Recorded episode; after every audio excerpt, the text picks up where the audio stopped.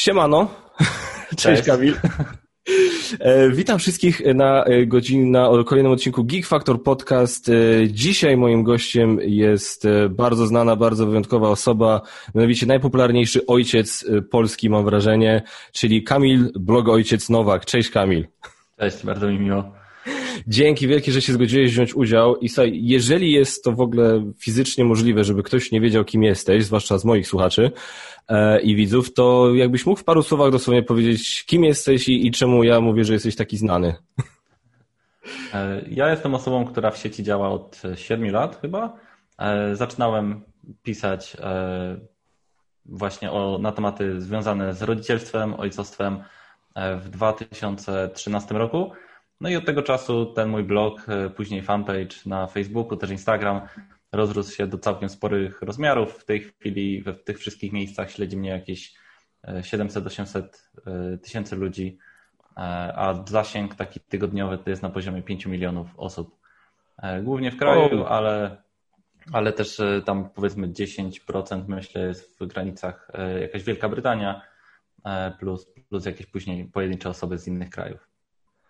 Orzesz w mordę. No to naprawdę, to, to, to super, to gratuluję w takim razie. Czy spodziewałeś się, że to osiągnie taki poziom, jak zaczynałeś, czy myślałeś, że to będzie takie hobby? W życiu, umówmy się, to jest tematyka, która jest y, całkowicie pochłonięta przez kobiety. W sensie tutaj czasami ktoś mi mówi, że mi się udało, bo, bo jestem ojcem właśnie, dlatego mi się udało. Ja mówię, to, to pokaż mi tych wszystkich innych ojców, którym się też udało, bo, bo są mężczyznami. A tak naprawdę można nas policzyć na palcach jednej ręki. E, więc tutaj ja zakładałem, że to będzie właśnie taki blog typowo dla ojców, który zrzeszy te, tych kilkunastu ojców, się śmiałem wtedy, którzy w internecie e, w ogóle byli. I, no tak zakładałem, że to raczej będzie takie niszowe, ale potrzebne, tak? Bo ja kiedyś wszedłem właśnie w sieć, e, miałem jakieś tam problemy wychowawcze i okazało się, że wszystkie blogi są głównie skupione na tym, spójrz jakie ładne jest moje dziecko, spójrz na nową kreację, oznaczenie tam 17 e, marek e, ciuchów właśnie, a jeśli chodzi o takie porady, co zrobić, jak na przykład dziecko e, zachowuje się, nie wiem, wpada w szał, albo co zrobić, jak dziecko na przykład przynosi z przedszkola jakieś brzydkie słowo, to było zero, po prostu było zero. Dopiero później zaczęły też powstawać. W tej chwili jest w dalszym ciągu ich niewiele, to jest mały procent wszystkich blogów, no i myślę, że to też jest ten powód, dla którego mi się udało, bo ja okazało się, że tego nie ma. Ja wpadłem w wir książkowy, na tę chwilę przeczytałem pewnie około, nie wiem, na pewno grubo ponad setkę książek psychologicznych, które, umówmy się, są napisane tak ciężko, że Czasami tak, po prostu no. przebicie się przez nie było bardzo trudne. Jasne, wyciągało się stamtąd fajne wiadomości, fajne informacje, ale to było naprawdę jak szukanie diamentów w kopalni po prostu. I E, I myślę, że każda ta informacja, którą ja wrzucałem, to tłumaczyłem właśnie z tego psychologicznego języka od specjalistów na ten język taki dla, dla każdego rodzica, żeby mógł się z tym zapoznać. No i co ważne, to też jakby wszystkie najważniejsze rzeczy, jakie kiedykolwiek, jakimi kiedykolwiek się dzieliłem, one były dawane za darmo. Tak, tam nie było nigdy jakiegoś abonamentu na te wiadomości, a z drugiej strony, jak rodzic miał E, nie wiem, pójść do psychologa i zapłacić na dzień dobry 150 zł za godzinę, albo poczekać pół roku czy rok, e, albo właśnie znaleźć czas, żeby przeczytać książkę, która ma 600 stron z małym dzieckiem, to jest też właśnie absurd, że większość książek dla rodziców popełnia jeden błąd. Zakłada, że rodzice mają czas czytać. Szczególnie jak się ma małe dziecko gdzieś tam. No ja mam, ja na przykład mam to szczęście, że my mamy w, znaczy to może nie jest rodzina, to jest, ale to jest bardzo blis, bardzo mocno zaprzyjaźniona osoba u nas w rodzinie, z naszą rodziną, osoba, która jest właśnie psychologiem dziecięcym. E, zresztą tam nawet mi czasami pomagało, jak miałem naście lat i miałem tam jakieś różne swoje problemy. E, I jak ja z kolei właśnie zostałem ojcem, to właśnie często się z nią spotykałem i bardzo fajna osoba, bardzo mądra i właśnie bardzo mądrze i na spokojnie wszystko mówi. Pamiętam jak zresztą jak byłem mały, jak miałem chyba z 10 czy 12 lat i poszedłem z moją mamą do niej. Właśnie wiesz, przyjaciółka mojej mamy chciała, jej, e, chciała z, z, nią porozmawiać, więc tam parę godzin tam spędziłem, jakieś książki czytałem, jakieś obrazki, ona ze mną rozmawiała, jakieś pytania zadawała I pamiętam, że potem wróciłem do domu i to, było, to był dla mnie jeden z najlepszych dni mojego życia, bo w życiu moja mama nie była dla mnie tak miła, taka kochana, ciepła, wiesz, rozmawialiśmy coś tam o szkole, ja mówię, że chciałbym się starać, żeby mieć same piątki, a moja mama, Paweł, przecież nie musisz mieć samych piątek, daj spokój, to trwało może dzień. Ja ko kocham, że moja mama, jeżeli tak to ogląda, kocha moją mamę po prostu nad życiem moich rodziców, wspaniałymi ludźmi. I uważam, że jak tam patrzę na siebie, to uważam, że gdzieś tam koniec końców w miarę dobrą robotę zrobili, na tyle na ile mogli oczywiście, ale wtedy pamiętam ten po prostu szał taki, nie? To tak, dzień, dwa, okej, okay, wracamy, skąd ta truja? Jest trochę tak, że są ludzie, którzy zarażają swoim spokojem, tym swoim głosem, e, ale też właśnie czasami mam tak, że oni nie do końca są w stanie później zrozumieć kogoś, kto na przykład został inaczej wychowany, kto ma inny temperament, kto czasami wybucha i przez to czasami ciężko jest poczuć tą, tą taką więź z nimi, że, że oni żyją na tej samej planecie co my, jak ktoś cały czas mówi takim spokojnym głosem i ma takie same dzieci, a potem spojrzę na przykład na te tornada, które wszędzie się kręcą i wszyscy znają i mają takie po prostu, zawsze to jest tak, że jak jedno jest tornadem, to drugie jest spokojne. O tak. Ale, ale później właśnie jak ktoś ma jedno i mu się trafi to spokojne i jeszcze ma taki głos i on opowiada, że właśnie jego metody to są takie dobre i doskonałe. Nie mówię teraz o psychologach, tylko właśnie czasami o rodzicach jedynaków, którzy właśnie tak, tak im się trafiło, e, to później ciężko jest nawiązać jakąś taką e, rzeczową rozmowę i takie poczuć e, jakąś, jakąś bliskość do tej osoby drugiej, tylko raczej się gdzieś tam pojawia okej, okay, może tak jakby zajmij się tym swoim dzieckiem, już odejdź. Otóż to, wiesz co, ja, ja, ci powiem e, w jaki sposób ja jakby do ciebie trafiłem, bo ja, ja się od razu, ja się przyznaję bez bicia, e, nie polubiłem ciebie od razu, w sensie twojego, twojej działalności z jednego prostego powodu i tak jak myślę w większości rzeczy w życiu robię, że na jakieś rzeczy reaguję negatywnie, emocjonalnie, po jakiejś takiej bardzo szczątkowej informacji, na zasadzie wiesz, że coś zobaczę kawałek, już mi się nie spodoba, ach, szanić to i idę robić coś innego. E, I dopiero jak się w coś zagłębię, coś poczytam więcej, coś faktycznie poświęcę na coś czas, nagle się okazuje, ty coś tam jest na rzeczy, nie?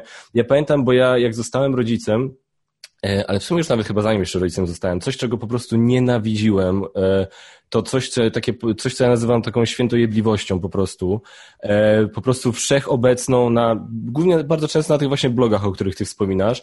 Niestety tutaj też zauważyłem, dominują kobiety, gdzie po prostu one wszystko wiedzą najlepiej, e, ich po prostu skarbeniek jest najskarbieńszy po prostu ze wszystkich e, i po prostu jak one zobaczą, że robisz, wiesz, wrzucisz zdjęcie, nawet ty, gdzie po prostu się chwalisz swoim dzieckiem i nie wiem, akurat na zdjęciu ręka jakoś ci się tak ułożyła, że wygląda jakbyś trzymał to dziecko o pięć stopni nie pod tym kątem, po którym się powinno. To już masz po prostu, wiesz, taką szpilę po prostu, że kręgosłup krzywdzisz, nie? I coś tam. Ja po prostu tak. mnie to leczy. Mnie leczy coś takiego strasznie. I pierwsze, jak na siebie trafiłem, to był jakiś artykuł, twój artykuł a propos klapsów. I ja powiem szczerze, i, ta, i ty jesteś bardzo kategoryczny, jeśli chodzi o klapsy, co oczywiście mi się teraz jak najbardziej podoba i się z tym absolutnie zgadzam. E, ale pytam, że jak to przeczytałem, to mi też się odpaliła mi się ta lampka mówię, kurde, no może być fajny gościu, ale pewnie jest podobny właśnie jak to wszystko, jak te wszystkie inne. A już, nie, a już nie ściemnia, że sobie tak pomyślałeś, to pierwsza, ta pierwsza część się nigdy nie pojawiła, ona się nigdy nie pojawia za pierwszym razem. to na dupę, okay, po prostu, okay. wiesz, będzie mi tutaj mówił, co mogę robić, czego nie mogę robić, pewnie tam w dupie był gówno widział, za przeproszeniem. Dokładnie, ale... nie przepraszam, nie na tym podcaście. ale tak jest, tak jest, bo ja na początku właśnie ja zawsze mówię, że najgorsi są y, fanatycy amatorzy. W sensie, jak ktoś się na nowo nawróci, to zawsze jest wtedy takim największym fanatykiem. To są właśnie ci wszyscy od e, karmienia piersią, od tego, że poród tylko naturalny. E, I ja na przykład potem widziałem, że jak ja napisałem tekst, tekst o tym, że danie mojemu dziecku klapsa, jak byłem młodszy i właśnie jeszcze nic nie wiedziałem, e, to była rzecz, której najbardziej żałuję to był tekst, z którym e, dużo osób nawiązało taką więź na zasadzie OK, czyli ty nie jesteś takim właśnie świętojebliwym dupkiem, tylko jesteś człowiekiem, który popełniał błędy, potem się nauczył, zobaczył, jakie są konsekwencje tych błędów. Na przykład, że dzieci w zasadzie e, przejmują tą agresję i się pojawia u nich, albo odreagowują to jeszcze w inny sposób. E, I dlatego zmieniłeś swoje, swoje położenie. Nie jesteś taki, że nigdy nie dałeś albo nigdy nie dostałeś, bo to też jest trochę coś innego. Jeżeli ktoś nigdy nie dostał i z pokolenia tam jest wychowywany, właśnie tak spokojnie, tak naturalnie i on będzie przekonywał, że tego się nie powinno robić, a tak naprawdę nie wie, z czym to się wiąże e, i na przykład nie wie, jaki to jest problem dla wielu rodziców, bo umówmy się, te wspomnienia, które mamy często z dzieciństwa, później się przekładają na to, jak reagujemy w, na, w przypadku naszych własnych dzieci. To jest później często taka automatyczna reakcja, która się pojawia gdzieś w mózgu, bo reagujemy, na przykład jak nasze dzieci się kłócą, to reagujemy dokładnie tak samo, jak reagowali nasi rodzice, gdy my się kłóciliśmy z rodzeństwem. I często to jest taki po prostu impuls w mózgu i od razu wybuch i, i my też wybuchamy. E, więc ta droga pokazała też, zresztą w ogóle przyznawanie się do moich błędów rodzicielskich też było takim czymś, co było świeżością. Bo, e, bo większość osób udaje tych właśnie świętych i świętszych od papieża nawet czasami. Mhm. I oni się wydają tacy nie, e, no, tacy idealni, tacy nieistniejący, tacy nierzeczywiści. Tak? Jasne, oni pokazują 5% swojego życia, ja pewnie też. E, tylko ja pokazuję po prostu te fragmenty, z których ja wiem, że ktoś inny może wyciągnąć wartość. I staram się na tych fragmentach skupiać. No tak, ale to jest właśnie, to jest właśnie coś, co bardzo do mnie przemówiło, jak już tak naprawdę mówię, jak poświęciłem czas i zacząłem czytać e, twoje teksty i śledzić ciebie na Facebooku, mówię, kurde, jeden z nas to jest jeden z nas. To jest po prostu gościu, który ogarnia, który kuma temat, który faktycznie podchodzi. I przede wszystkim coś, co ja uwielbiam najbardziej, to jest, to jest cecha, którą chyba najbardziej lubię w ogóle u ludzi. E, podchodzi do życia z dystansem, do życia, do siebie, do swojej rodziny, do w ogóle do wszystkiego, tak? Z, z, ze zdrowym dystansem, tak? Czyli ani w jedną, ani w drugą nie przesadza. To jest zarąbiście ważne. Ja pamiętam, że myśmy z żoną bardzo lubili swego czasu oglądać tego, e, Louisa C.K., jego pierwsze stand-upy zwłaszcza, bo on bardzo dużo gadał na swoje dzieci i to było tak brutalne teksty, ale my jako młodzi rodzice byliśmy tak zachwyceni tym, bo, bo jako ja też uwielbiam, tak samo jak ten no. Ricky, e, nie pamiętam, nie wiem jak się czyta, ale pisze się jakieś Gervais, tak? W sensie... Gervais, tak, Ricky Gervais. Gervais, no. tak. On jest po prostu fenomenalny pod tym względem, jak on wchodzi na tematy dziecięce, to jest tak gruby humor. Jak ja ostatnio gościa słuchałem, słuchałem jego Humanity, ja dosłownie spadłem z łóżka po prostu o pierwszej w nocy, z żoną oglądaliśmy, tak się zacząłem śmiać, że córka przyszła, czternastolatka, powiedziała, ja muszę jutro, jutro do szkoły, dooglądacie to jutro, nie? po prostu miałem taki ubaw, a on mówił o takich brutalnych rzeczach. Tam chyba, nie chcę tutaj jakby przywoływać, bo to będzie zbyt, myślę, wyciągnięte z kontekstu, ale jeżeli ktoś na przykład jest świeżym rodzicem i ma miesięczne dziecko i on nie tak dba i ma takie Jezu, podejście, tak. to nie polecam, nie polecam, bo, bo po prostu będzie tak oburzony, ale jak już ma się trójkę i one są trochę odchowane, to, to po prostu jest doskonałe. Ja właśnie tak. też jestem za tym, żeby, żeby podchodzić z dystansem, z humorem, bo, bo bez tego to będziemy mieć ciężko. W ogóle już mamy ciężko, tak? Wiele osób jest naprawdę oburzonych takimi zwykłymi, prostymi rzeczami w dzisiejszym świecie, i to nie tylko w rodzicielstwie, ale we wszystkim, że ja mam tak czasami patrzę na ludzi dookoła i się zastanawiam, dokąd to zmierza. Dokąd to zmierza i czy, wy, i czy to są naprawdę wasze najpoważniejsze problemy, bo jeżeli tak, to zamieńmy się, proszę. Tak. To jest, to jest też taka moja myśl często gęsto. E, chyba cię przycięło na chwilę. Poczekaj.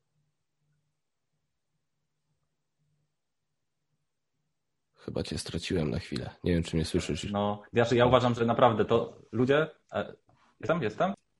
Jesteś, na chwilę cię straciłem, ale chyba pomału wracasz.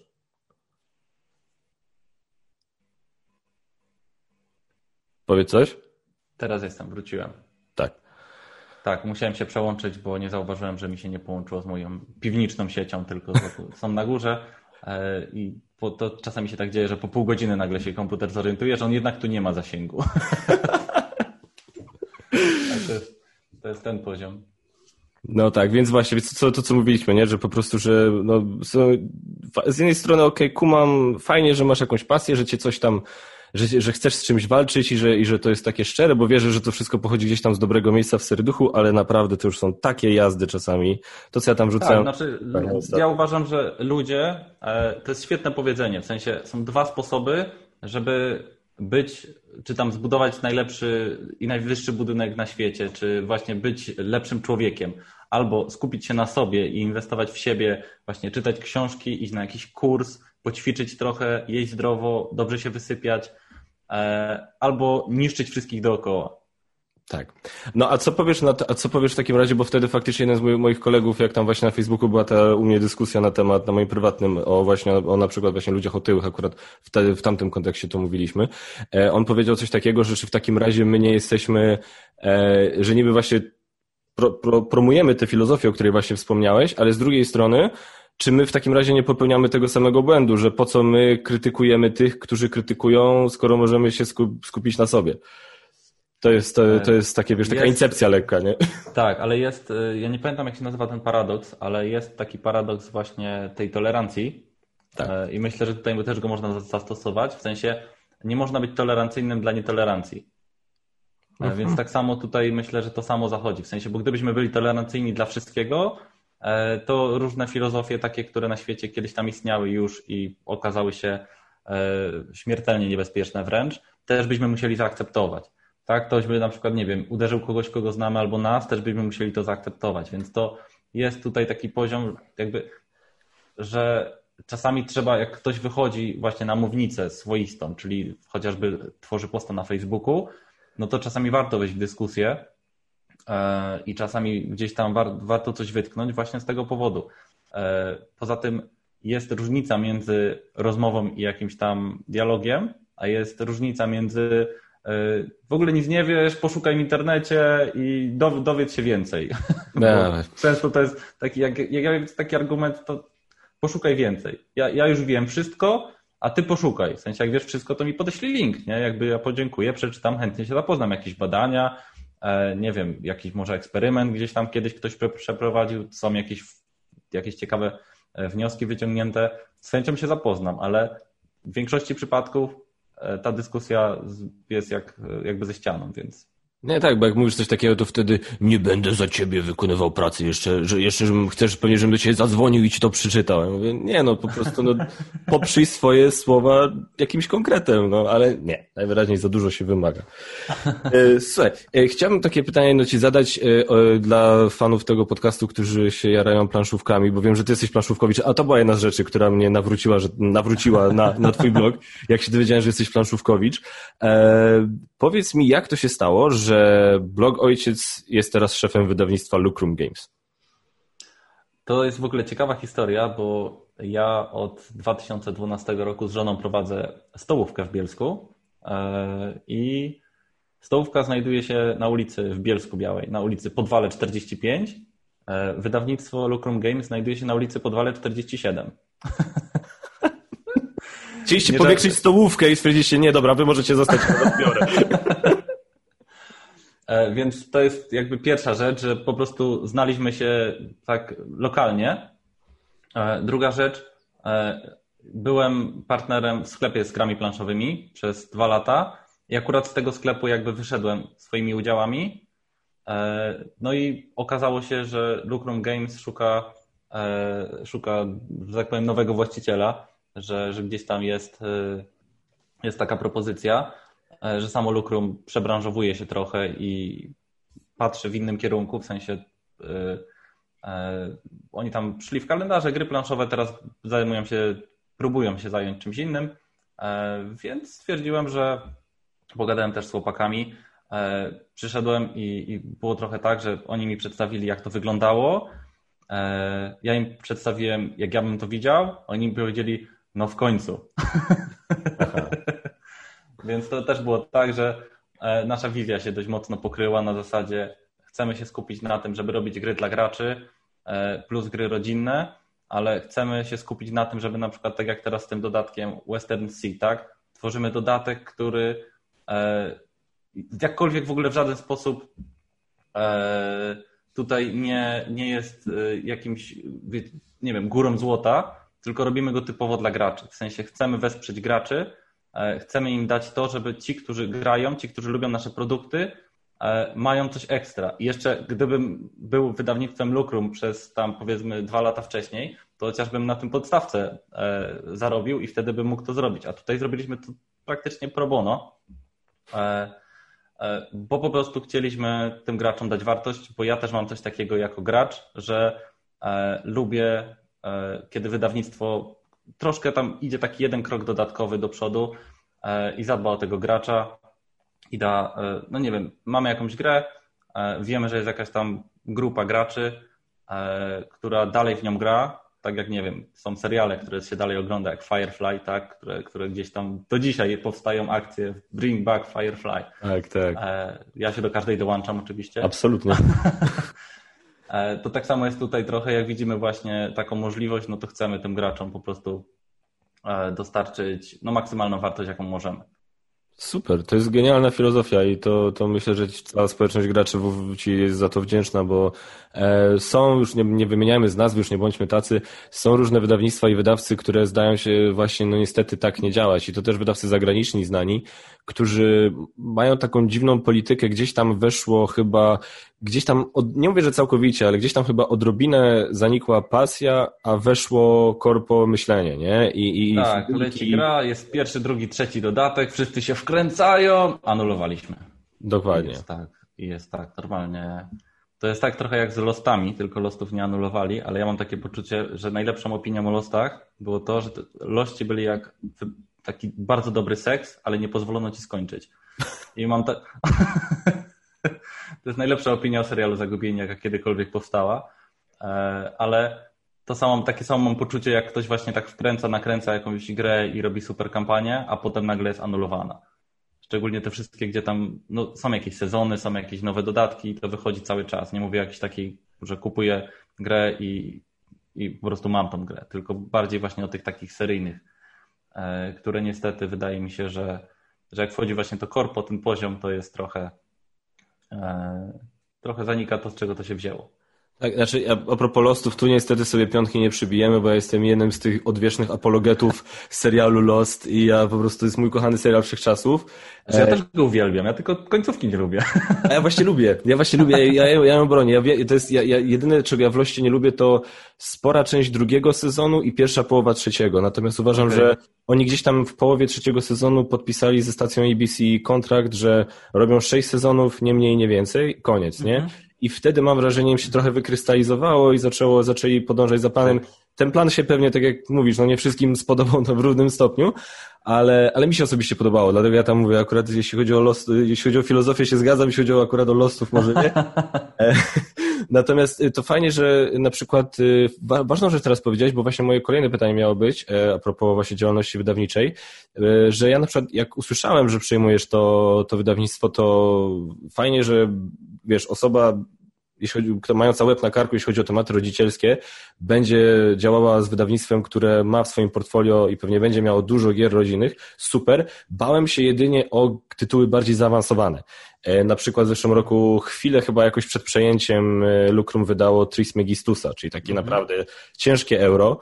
E, I wiesz, i się zastanawiałem, czy na przykład, czy tutaj wydawnictwo nie ucierpi i jak ty na to patrzysz? Czy będziesz, będziecie wydawać znaczy, trochę cięższe tytuły? Jed, czy... Jedyne, co chcemy wyciąć, to są takie gry z tej półki takiej, takie pomiędzy dla graczy, a pomiędzy rodzinne, takie nie do końca wiadomo dla kogo. W sensie takie, e, pojawiają się takie tytuły, które później, no właśnie, to jest za trudna gra, żeby po prostu usiąść z dziadkami ale dla większości graczy są zbyt proste i zbyt łatwe i to też jest taka półka często cenowa, nie wiem, 80 zł, 70, że to jest taka gra, która jest trochę za droga na prezent, e, za tania, żeby się zrzucić w 5 osób i też jak się zrzucimy w 5 osób, to w nią nie pogramy, bo to jest gra na przykład na 20 minut, a takich gier mam wrażenie się pojawia całkiem sporo, mimo, mimo wszystko na rynku. Taki, taki poziom Munchkina w sensie, przy czym Munchkin no, jakby to jest kultowa gra, E, ale wydaje mi się, że no jasne, e, jedna na ileś się trafi świetna, ale wolę albo właśnie zrobić grę, e, która będzie taka, że siadamy w te cztery osoby, siedzimy godzinę, dwie czy nawet pięć. Może nie poziom Twilight Imperium jeszcze, ale ostatnio jak siedliśmy o 20, to skończyliśmy o trzeciej, a wcześniej dwie godziny tłumaczyliśmy zasady. Nigdy nie usiądę do Twilighta właśnie z tego powodu. Nie, sorry, nie mogę. Nie, mam blokadę jakąś. No, nie, byłem zachwycony, ale E, więc ja lubię takie po prostu mózgożerne, albo właśnie gra, gdzie siądę z dzieciakami i pogram i to będzie taka rodzinna, luźna gra, że czy siądę z dzieciakami, czy siądę ze znajomymi, czy siądę z dziadkami. Właśnie na przykład ten potworek Głodomorek, którego teraz mamy w portfolio, e, no jest po prostu fenomenalny. Jeśli chodzi o zagranie z dzieciakami, czy rodzinna gra, e, to ja uwielbiam, szczególnie, że no mamy tam postacie typu tam Graszka, Janusz, Bożka, czy jakieś tam jeszcze inne, tak? I mamy te takie swoje potworki. Jest ten klimat, że jak ktoś siada nowy, to w ogóle od razu się cieszy, że tam gra tym jakimś tam swoim stworkiem. Gra jest mega prosta, mega szybka, taka właśnie siadamy, 20 minut gramy e, i takie gry lubię. E, albo właśnie takie już bardzo mózgożerne. Nie lubię tego takiego pomiędzy, które są nie do końca wiadomo dla kogo. Okej, okay, okej, okay. czyli jest szansa, że możemy liczyć na jakieś takie mózgożery od was takie, z takiej ciężkiej taki, półki, tak, tak? Taki jest plan, że, że właśnie idziemy albo w to, albo w to. Że okay. nie, nie robimy czegoś dla wszystkiego, bo jak coś jest do, do wszystkiego, to, to wiemy, jakie jest. No dokładnie tak. A powiedz mi, e, czy ty na przykład, bo jako że jesteś graczem, tak, mówisz, że, że, gra, chociażby w Twilight grywasz i tak dalej, no to już jest jakby dla mnie no, jasno postawione, okej, okay, dobra, gościu gra, gościu gra.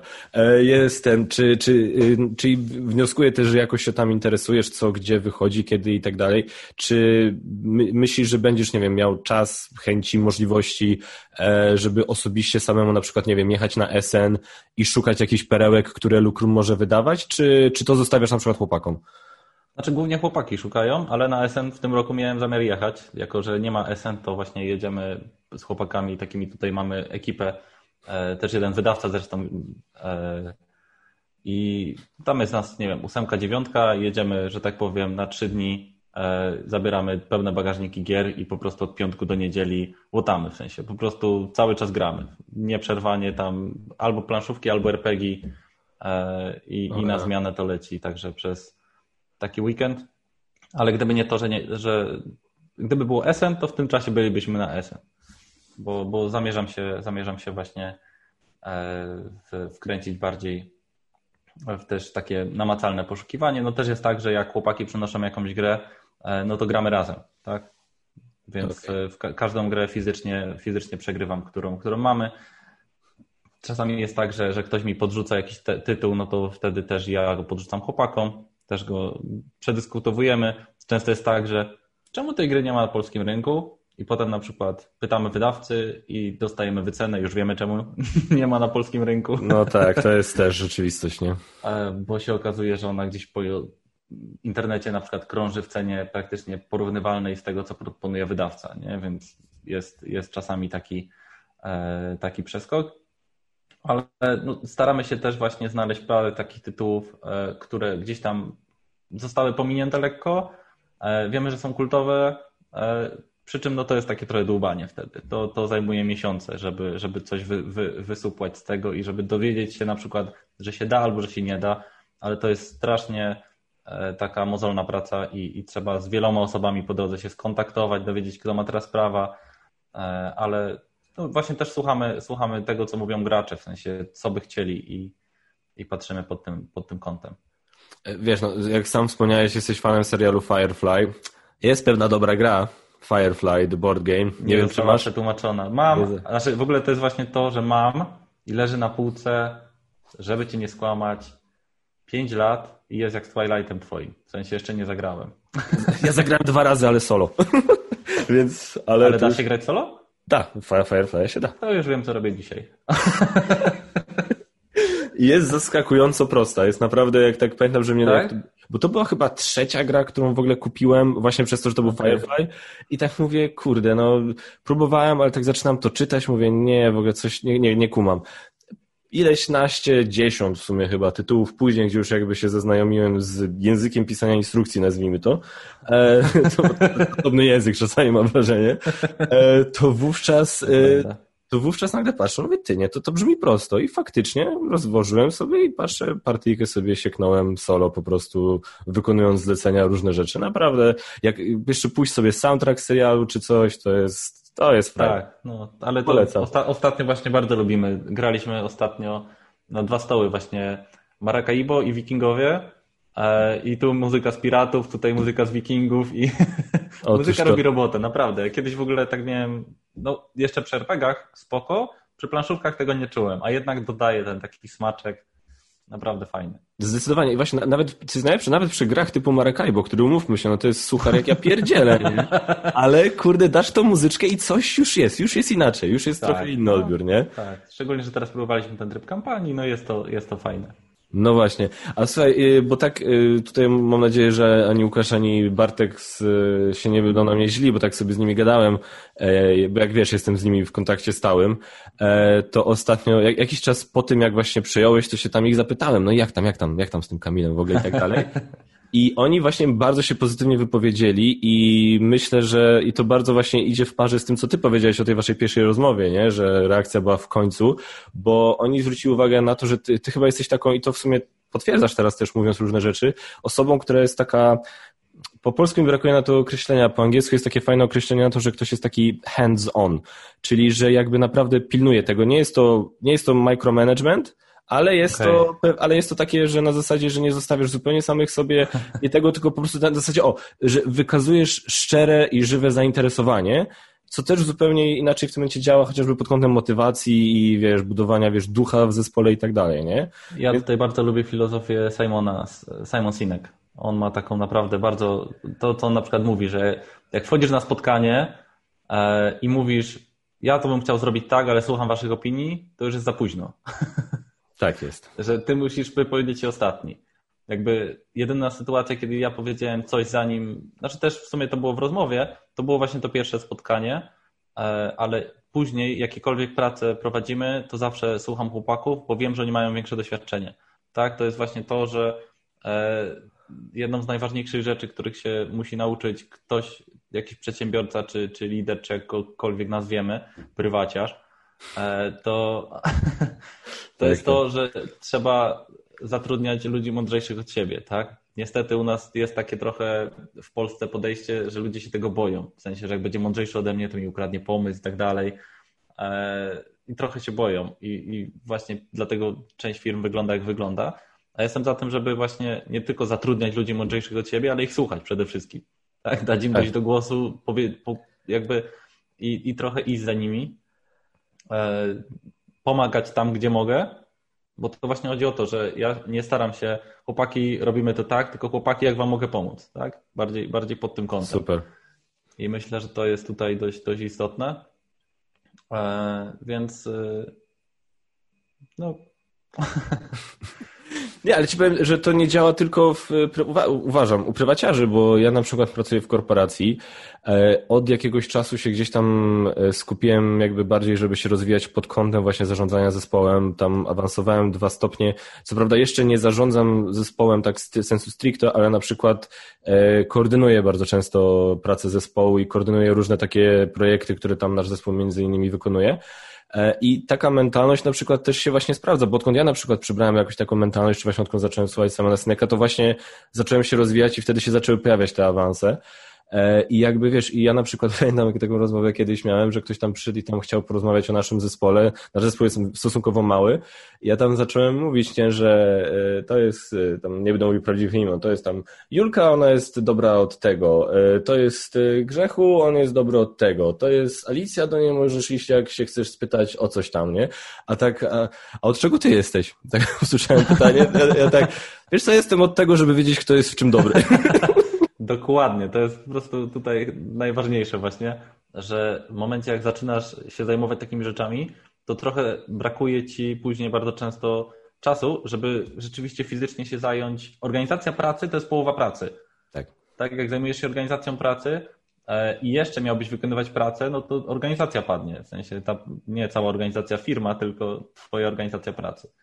Więc y, nie można właśnie później robić tego micromanagement i wszystkiego dopilnowywać po prostu, nie, nie. tylko bardziej pokazać, mamy taką filozofię i nasze działania biorą się z tej filozofii, czyli chcemy na przykład przede wszystkim zadbać o graczy.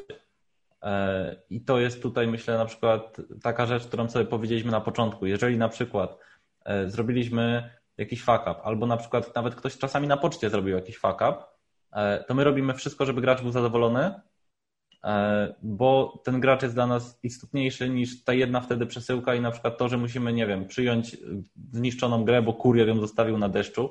Zdarzają się takie sytuacje. E, I, I no my ją przyjmujemy po prostu, tak? Bo wtedy to wychodzi z tej filozofii i to nie jest tak, powiedzmy na początku tam chłopaki jeszcze pytali, ale w tej chwili takie decyzje już mogą podejmować sami, bo wiedzą jaką mamy gdzieś tam, jakie mamy podejście, co chcemy zrobić, jak chcemy o nich e, zadbać. Okej, okay, a powiedz mi, e, co, co byś powiedział jest takim twoim głównym w sumie zajęciem? Na zasadzie ty, bo tak mamy restaurator, wydawca, bloger, wiesz, osoba medialna, nie wiem nawet jak nazwać. jak byś ty się określił? Ciężko, ciężko odpoczywam 365 dni w roku. E, ten żart, ten żart jest mniej śmieszny w tym roku, bo to znaczy, że ja będziemy musiałem pracować. Ale mamy przestępny. Nie? Ale, ale tak naprawdę, no, jakby jeśli chodzi o restaurację, to od w zasadzie 3-4 lat to już jest wyłącznie działka mojej żony. E, ona to przejęła całkowicie, e, więc, więc tutaj ja nie biorę żadnego kredytu, jakby w sensie nie uznania. O. E, też mam tak czasami jak ty, że mi brakuje słowa po polsku. Bez kitu. No w tej chwili głównie nadzoruję wydawanie kolejnych rzeczy, ale w moim wydawnictwie tym z bajkami i książkami. Bóg ojciec. Bóg Ojciec, tak? To jest, to jest świetne po prostu wydawnictwo Bóg Ojciec, które się pisze jako książka, w sensie po angielsku e, i ktoś na przykład z urzędu pracy tam dzwoni i sobie to pierwszy raz przeczyta na głos i ma taką ciszę w telefonie. I nagle się pojawia takie, e, e, dobry pan Kamil? Tak. Wydawnictwo Bóg Ojciec? I taka cisza, taka, e, ona się orientuje, co powiedziała właśnie. Jak to jest napisane, to nie Nie, nie, nie rzuca się tak w oczy, tak. Tak, no. Więc, e, więc tam właśnie no w tej chwili do końca roku mamy jeszcze dwie książki, które się pojawią, trzy bajki. No i to jest trochę tak, że trzeba koordynować tą pracę pomiędzy e, autorem, ilustratorem, e, składem, redakcją, korektą, jeszcze drukarnią, więc tutaj jest to jest, to jest część pracy, na pewno część no to jest poświęcanie czas na to, żeby blog i kontakty z ludźmi. Ostatnio mam tak, że właśnie na Instagramie dużo się zacząłem udzielać i ten kontakt jest taki jeden na jeden, że potrafię na przykład dziennie odpowiedzieć na, nie wiem, 300 wiadomości. Wow. E, więc e, tak, i to, to właśnie jest takie świetne pomysły. No, na przykład, o, mam luźny dzień, co mogę zrobić? A, zapytajcie mnie o coś, nie? I potem nie dość, że odpowiadam publicznie, zacząłem odpowiadać tego dnia tak, tak wiele tych stories się pojawiło, że zaczęły się usuwać poprzednie, w sensie nie wiem jaki jest limit, ale chyba 100 E, więc jak zacząłem nagrywać kolejne, to się poprzednie zaczęły usuwać, więc to po prostu było napchane naprawdę na maksa i jeszcze oprócz tego były te pytania prywatne, więc tego dnia tam w sumie chyba z 500 wiadomości, no i wszystkie osobiście, no bo to nie jest tak, że komukolwiek to zlecam. Do tego jeszcze dodajmy jakieś maile, gdzie czasami trzeba się trochę bardziej e, rozbudować z wypowiedzią. Plus, plus takie treści codzienne, więc tam jakieś przeglądanie, e, przeglądanie różnych portali. E, informacyjnych, e, memicznych, tak, bo to umówmy się też jest, co robisz, siedzę, siedzę w memach, nie? E, no plus jeszcze w tej chwili też się zajmuję edukacją domową najmłodszego syna. Przy czym no, to jest trochę tak, że to też jest bardziej na zasadzie już podzlecania, tak? W sensie siadamy rano, jaki temat i on sobie szuka informacji na przykład na temat, nie wiem, dzielenia pisemnego czy potęgowania, no i na koniec później tylko sprawdzamy, jak mu to poszło ale to jest właśnie takie, że on sobie sam wyszukuje, przetwarza, analizuje informacje i gdzieś tam. O, czyli on jest od początku do końca, będziesz go edukował? Yy, Nie czy... od początku, bo pierwsze trzy lata normalnie chodził do szkoły, teraz jest czwarta klasa i teraz zaczął. O, proszę. A tak, to, jakby, to jakby pandemia też tam trochę nas... Yy, stwierdziłem, że jakby miało być znowu nauczanie zdalne, to ja sobie szczelę w łeb. Tak jest, tak jest, potwierdzam. E, więc, a edukacja domowa to nie jest nauczanie zdalne, to jest zupełnie coś innego, to jest po prostu niebo a ziemia. I jeszcze mam kolegę, który też właśnie zaczął rok wcześniej, e, też bloger Marcin Perfluński, e, ojciec pięciu córek. O, a co się nazywa dominacja? tak. I, I właśnie też dwie córki, bodajże dwie, jak to tam teraz, możliwe, że coś pomieszałem, ale dwie są na tyle duże, że chodzą do szkoły i są też na edukacji domowej właśnie pierwszy rok a ja też zauważyłem, że dzieciaki jakby na nauczaniu zdalnym e, to tylko to nauczanie mi przeszkadzało, ale sam fakt, że dzieciaki nie chodziły do szkoły spowodowało, że były dużo spokojniejsze, e, dużo lepiej też, umówmy się, to nie są maluchy, nie mamy maluchów w domu, więc to też jest trochę inaczej. Jakbym miał dwu i czterolatka, to sześciu czy siedmiolatkiem może bym się na nauczanie domowe nie zdecydował, ale no to jest zupełnie inna sytuacja.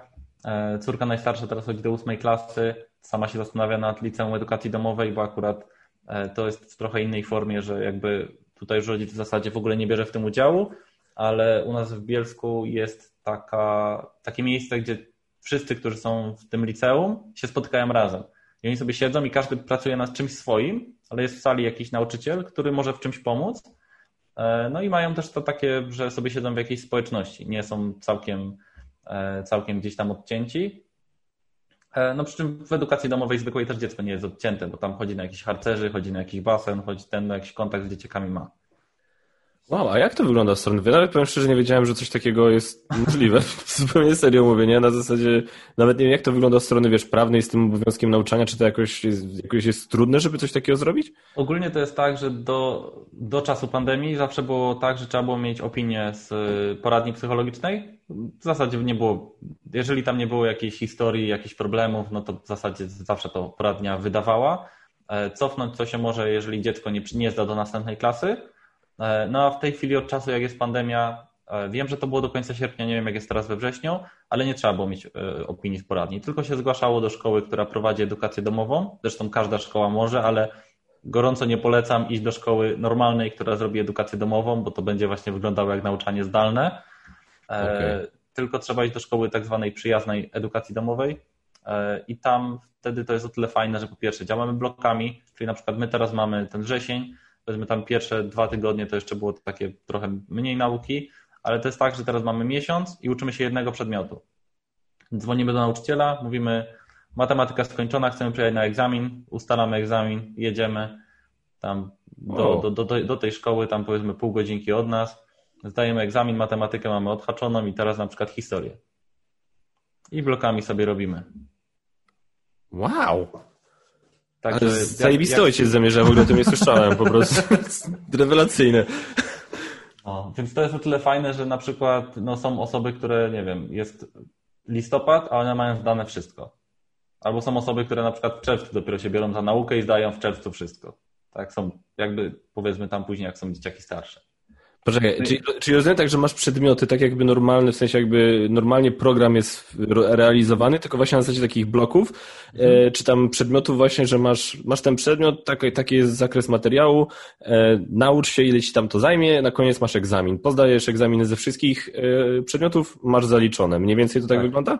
Tak, dokładnie. Jest, i te, no jakby odpadają przedmioty typu WF, plastyka, muzyka, technika, więc y, no w czwartej klasie, jak normalnie dziecko ma, nie wiem, 10-12 ocen, e, no to tu mamy 6. Mamy 6 przedmiotów w tej chwili w czwartej klasie. A jest opcja dobrania sobie na przykład plastyki? Znaczy, chodzi o to, że ty robisz z dzieckiem co chcesz. W sensie, na przykład teraz niedawno młody, mamy taki zestaw takich cegiełek, on sobie zamówił, akurat były na jakiejś takiej mega przecenie i on sobie robi plastykę w cudzysłowie, czy tam technikę, w sensie cegiełki, zaprawa i on dom buduje, taki mały, w sensie z takich tych tak, Basia, moja żona kupiła coś takiego naszemu synkowi, też ma takie małe, dosłownie cegiełki, jak taka mała tak, No, tak, więc, tak, ale wiem, chodzi o to, że jakby e, nie możesz sobie dobrać przedmiotu, bo jak cię zegzaminują z plastyki, no w sensie... No tak, ma to sens w sumie.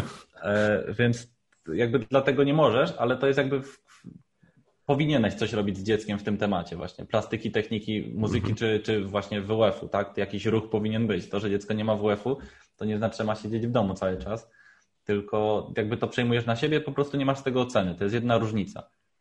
Ale jakieś tam działania po, powinno się podejmować, żeby no, rozwijać to dziecko wszechstronnie. Poza tym to też jest trochę tak, że ja już teraz widzę na przykład, e, że są pewne rzeczy, które go bardziej e, fascynują, on w tym kierunku może tam gdzieś iść, bo, bo i gdzieś tam sobie, nie wiem, już w zasadzie mamy co 20 września, 17, no to ma ogródek E, w sensie na parapecie zrobiony, już mu tam zaczynają e, rosnąć jakieś, nie wiem, posadził sobie jakieś rośliny, właśnie jakieś te rzeczy takie, z, z ten budował domek, czy, czy z takich drewienek, taki fort, e, to trochę można powiedzieć takie puzzle 3D, ale jak zobaczyliśmy to, ile tego jest, jaka to jest instrukcja, to u, stwierdziłem, no to młody ma miesiąc z głowy, po trzech dniach było gotowe.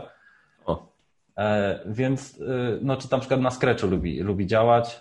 E, to jest taki program komputerowy, który uczy programowania. W sensie tam można jakieś, jakieś sobie zrobić takie.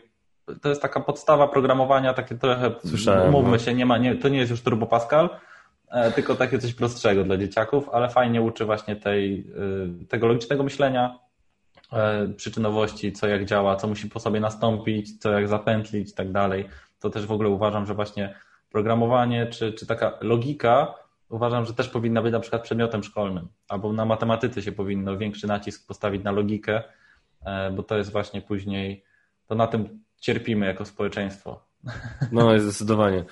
Kurczę, ale to fajnie powiedziałeś, wiesz, bo akurat, akurat o plastykę się spytałem, bo tak właśnie myślę o swoich dzieciach i e, jakkolwiek e, jeśli chodzi o mojego syna, to tutaj nie pokładam zbyt wielkich nadziei, jeśli chodzi o plastykę, się kompletnie wdał we mnie biedak. Jeśli chodzi o śpiewanie, jeśli chodzi o plastykę, cały ja, więc tutaj jakby nie ma, nie ma sensu nawet na to czasu tracić, bym czasami tak powiedział, wiadomo, że żartuję, ale, ale czasami tak na to patrzę mówię, a ty jest mój syn. E, natomiast moja córa jest e, zarąbiście zdolna, ona faktycznie ma jakiś taki dryk, przede wszystkim ma bardzo ciekawe ciekawe pomysły.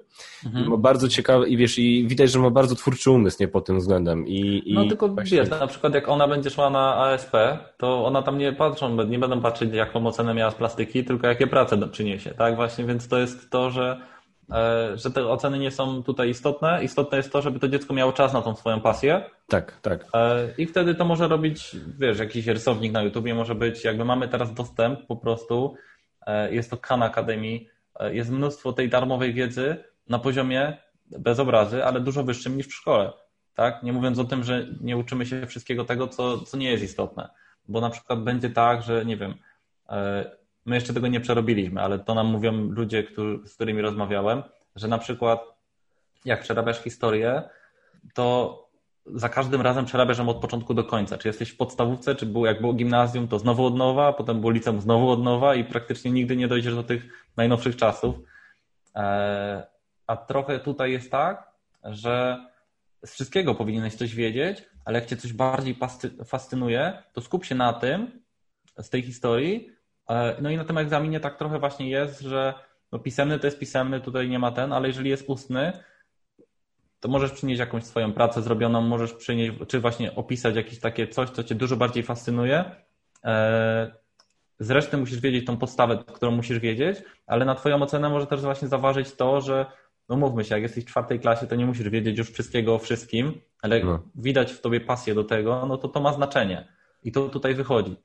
I tutaj się można skupić na tym, co rzeczywiście dziecko interesuje, tak bardziej, I też mówią na przykład, że jeżeli jakiś przedmiot Cię za bardzo nie interesuje, to powiedz to też nauczycielowi, że no, nie, że tam matematyka jest głupia na przykład, czy polski, ale po prostu, że no, Ty na przykład uwielbiasz, nie wiem, matematykę, informatykę, a no, to przyroda, no to tak no, zdajesz, bo zdajesz i wiesz to wszystko, co trzeba, ale to nie jest jakaś taka dla Ciebie mega pasja. Chociaż z drugiej strony ja tak na przykład widzę, że to się tak przenika właśnie, chociażby e, ta przyroda i ogrodnictwo, tak? E, historia i na przykład można tam jakieś bitwy, które są jakieś ciekawsze, gdzieś tam odtwarzać. Można w tej chwili zresztą posłuchać. Ja, ja w ogóle kocham historyków, w sensie takich, którzy mówią z pasją. E, ja na przykład na żywo nigdy takiego nie miałem, ale czasami jak posłucham jakiegoś kanału na YouTubie, czy, czy nawet te książki historyczne, ja się w ogóle śmieję, e, bo przy tym nauczaniu zdalnym moja żona ze starszym synem, ona właśnie tak miała, że ona przejęła tą historię jakby z nim, jak on coś tam robił, no to ona mu tam pomagała i ona tak miała, jaka ta historia jest fajna. Pierwszy, pierwszy raz to odkryłam, nie? że ta historia jest fajna. I właśnie to jest to, i potem nagle jest ciach, trzeba zająć się biologią, nie? W sensie tak jest w normalnej szkole, że jak już wkręcisz się tą godzinę, czy tam dwie w tą historię i rzeczywiście jest fajnie do jakiegoś tego, to nagle przychodzi tasak i, i musisz się w ogóle odciąć od tego, i zacząć z przyrodą. To jest tak jak książka tego, jak Gra o Tron. W sensie jak się wkręcisz w historię jednej postaci, to nagle ciach i musisz, a, ale nudne, muszę go kimś innym czytać, nie, znowu ten. I potem znowu się wkręcisz, jednak, jednak ta postać jest taka, taka fajna, po prostu tak się kończy, puf, nie, I, i znowu. Nie chcę wracać do tamtej, nie, ja chcę tą, ja chcę się dowiedzieć, jak to się kończy, nie. I to, to trochę tak jest właśnie w normalnej szkole, dlatego e, głównie nas przekonała ta nauka blokami. To jest, to jest bardzo ciekawa koncepcja i to jest temat, któremu zdecydowanie się przyjrzymy. Eee, zwłaszcza ten, zwłaszcza, mówię, no już do, duża jest, starsza już jest 12 lat ma. Eee, ona już, mówię, ona już, już szósta klasa, młody teraz zaczął drugą klasę. Eee, natomiast mamy jeszcze pięciomiesięczne dziecko mhm. I jestem ciekawy właśnie, nie, ukrywam się, tak strachamsko śmieję czasami, mam nadzieję, że dzieci tego nigdy nie usłyszą, e, że, że ten, że, e, że po prostu na przykład wiesz, że jak to się pojawia nowe dziecko, E, I, I na przykład ono przyciąga, jest taki stereotyp, że przyciąga twoją uwagę i że starsze dzieci mogą się poczuć jakoś tam odrzucone. Ja sobie myślałem, że jak ja bym kiedyś miał zrobić jakiś swój stand-up, to jakby jednym z żartów na pewno będzie, że właśnie może, może przyjść do mnie to starsze dziecko i powiedzieć, tato, ale czemu ty to dziecko, czemu, czy, ty, czy ty moją siostrę kochasz bardziej ode mnie? Mówię, nie synku, absolutnie nie. To nie jest tak, kocham was dokładnie tak samo. Ona jest po prostu mniejsza, ty już jesteś trochę większy, jesteś bardziej samodzielny, poradzisz sobie z, sam z wieloma rzeczami. Ona jeszcze nie, z nią muszę, z nią muszę więcej rzeczy troszkę robić, tak wiesz, tak przy, być przy niej, ale przede wszystkim musisz też zrozumieć, że mi z nią po prostu dużo lepiej idzie. Ja przy, ja przy tobie popełniłem masę błędów, ale teraz wiem więcej, więc z nią mi się nieco lepiej udaje. Idź się baw. Wszystkiego najlepszego. tej... Twoje urodziny, nie? No. Idź się baw. Wiesz, po prostu no. miałem takie przemyślenie. Tak. Znaczy, bo to jest takie w dwie strony trochę ten, ten stereotyp idzie, że z jednej strony olewa się te starsze dzieci, z drugiej strony jest ten stereotyp, że jak masz pierwsze dziecko i połknie monetę, to się jedzie na pogotowie, drugie dziecko to się czeka, że, że tak powiem, wydali, a trzecie dziecko to się po prostu odejmuje z kieszonkowego. Po, e, tak, ja to powtarzam parę razy, jest to bardzo prawdziwe. Tak, i to tych historii jest tam ileś, e, takich właśnie o pierwszym, drugim, trzecim dziecku. E, I to pokazuje, że to podejście jest inne, ale mimo wszystko, jak to trzecie się pojawia, to jednak no, na nim się skupia ta uwaga. E, ale ja też właśnie bardzo mocno wierzę, ostatnio o tym mówiłem, że, e, że każdy rodzic powinien mieć minimum trójkę dzieci, że powinniśmy się rozmnażać, ja się tak śmieję jak zwierzęta, że od razu jest miot i są trójka, piątka, na przykład siódemka, pach, lecisz, bo one wtedy mają przewagę liczebną i albo ich nauczysz samodzielności, Albo zginiesz po prostu, albo cię tak. pokonają, zjedzą cię. Jak będziesz musiał codziennie każdemu robić śniadanie, jak będziesz każdemu musiał szykować ubrania, jak będziesz musiał za nich prać, prasować, myć, zmywać, gotować i wszystko robić sam, to po prostu nie wydolisz. Umrzesz z przemęczenia i potem czasami, znaczy to nie jest stuprocentowa gwarancja, bo czasami widzę takich rodziców poświęcających cię, którzy wierzą, że się poświęcają dla dzieci, bo one się muszą na przykład uczyć i ten, ja mówię, no dobra, życie też się muszą nauczyć, nie tylko tam oceny są istotne. E, poza tym 15 minut dziennie w domu pomóc to naprawdę dużo zmienia. W sensie te 15 minut czasami no to jest rozpakowanie zmywarki i umycie podłogi. E, jak się to podzieli pomiędzy trójkę, czy tam czwórkę, czy piątkę dzieci, to to już jest kawał roboty. To już wtedy. Oczywiście. E, więc umówmy się, te 15 minut temu dziecku korona z głowy mu nie spadnie. Więc ja jestem w ogóle dużym zwolennikiem, jak to nazywam, leniwe rodzicielstwo, że nie, ja zamiast przygotowywać codziennie mojemu dziecku śniadanie do szkoły, to ja wolę poświęcić dwa tygodnie, żeby go nauczyć tego samodzielnie, mimo tego, że przez te dwa tygodnie robię dużo więcej. Jak ktoś mnie pyta, czemu ja tak dużo pracuję, to ja zawsze odpowiadam dlatego, bo jestem taki strasznie leniwy, że nie chcę kiedyś pracować. To jest w ogóle mój cel życiowy, żeby nie pracować. Jakby przez 15 lat mojego życia zawodowego mi się niestety nie udało, i bardzo często pracuję dużo więcej niż wszyscy inni, ale cel jest taki, żeby nie musieć. Ja zgadzam się, może dlatego się tak dobrze rozumiemy. Ja absolutnie się z tym zgadzam. To jest moja filozofia, nie? I tak samo mam właśnie z dziećmi, że, że przygotuję, niech się nauczy, niech będzie samodzielne. Jasne, to nie jest tak, że to dziecko ma, ma 14 lat i idzie do roboty, nie? Ale, ale no niech będzie w stanie o siebie trochę chociaż zadbać. Niech ma też jakąś przestrzeń dla siebie, bo to też jest później pewnym wieku się zaczyna ten moment, że jak jest ta relacja za bliska, to temu dziecku brakuje tej przestrzeni takiej na zasadzie jakiejś wolności, czy w ogóle też jest taka plaga trochę, że nie pozwala się w dzisiejszym świecie dzieciom nudzić. W sensie, że jak dziecko się nudzi, to dostaje zajęcie dodatkowe, albo dostaje korepetytora, albo dostaje telefon, tablet, telewizor, a nuda jest tak ważna, jakby jak moje dzieci przychodzą, mówią, że się nudzą i ja mu powiem coś innego, niż e, to dobrze, to dobrze, że się nudzisz, bo nuda jest bardzo ważna. Jak ja powiem coś innego niż to, to powiem, o, wymyśliłeś coś nowego w końcu, nie? Od lat to powtarzam po prostu, że bardzo dobrze się nudzisz, to świetnie, to ci tak teraz mózg pracuje, wiesz. Nie spotkałem człowieka w swoim życiu, to też moim dzieciom zawsze powtarzam, który by się nudził dłużej niż kwadrans. Nie spotkałem. Po prostu to jest niemożliwe. No, to jest Chyba, żeby go zamknąć po prostu w metr na metr i kazać mu stać tam, tak? To wtedy jasne, można się nudzić ale mamy normalnie cały świat dookoła nas. E, mamy nasz mózg, który jednak jest fajną rzeczą. I jak to dziecko się ponudzi przez te 5 minut najczęściej, to sobie znajdzie zabawę. Wymyśli sobie teatrzyk, wymyśli sobie e, lepienie z plasteliny, która leży w szufladzie od 5 lat i której nie ruszało, e, znajdzie jakąś kolorowankę, pójdzie na pole i będzie się bawić patykiem, piaskiem i robić potrawy, zrobi sobie kuchnię błotną. Naprawdę, jakby możliwości jest mnóstwo, a ludzie się boją tej nudy i to mnie przeraża trochę, bo później właśnie będą takie dzieciaki, które jak ktoś się nimi nie zajmie i ktoś ich czymś nie zainteresuje, mhm. one same z siebie nic nie zrobią. Tak. Znaczy, to jest absolutnie 100% racji. Ja jeszcze na to patrzę od takiej strony, że tylko właśnie mówię, przestałem to już moim dzieciom tak racjonalizować, bo to zaczęło ich dołować bardziej niż cokolwiek innego, bo zacząłem im mówić na zasadzie, słuchajcie, zaufajcie mnie, ja mam 36 lat, ja mam teraz was trójkę, mam praktycznie dwie prace, tak, bo pracuję od 9 do 5, pracuję jako Geek Factor.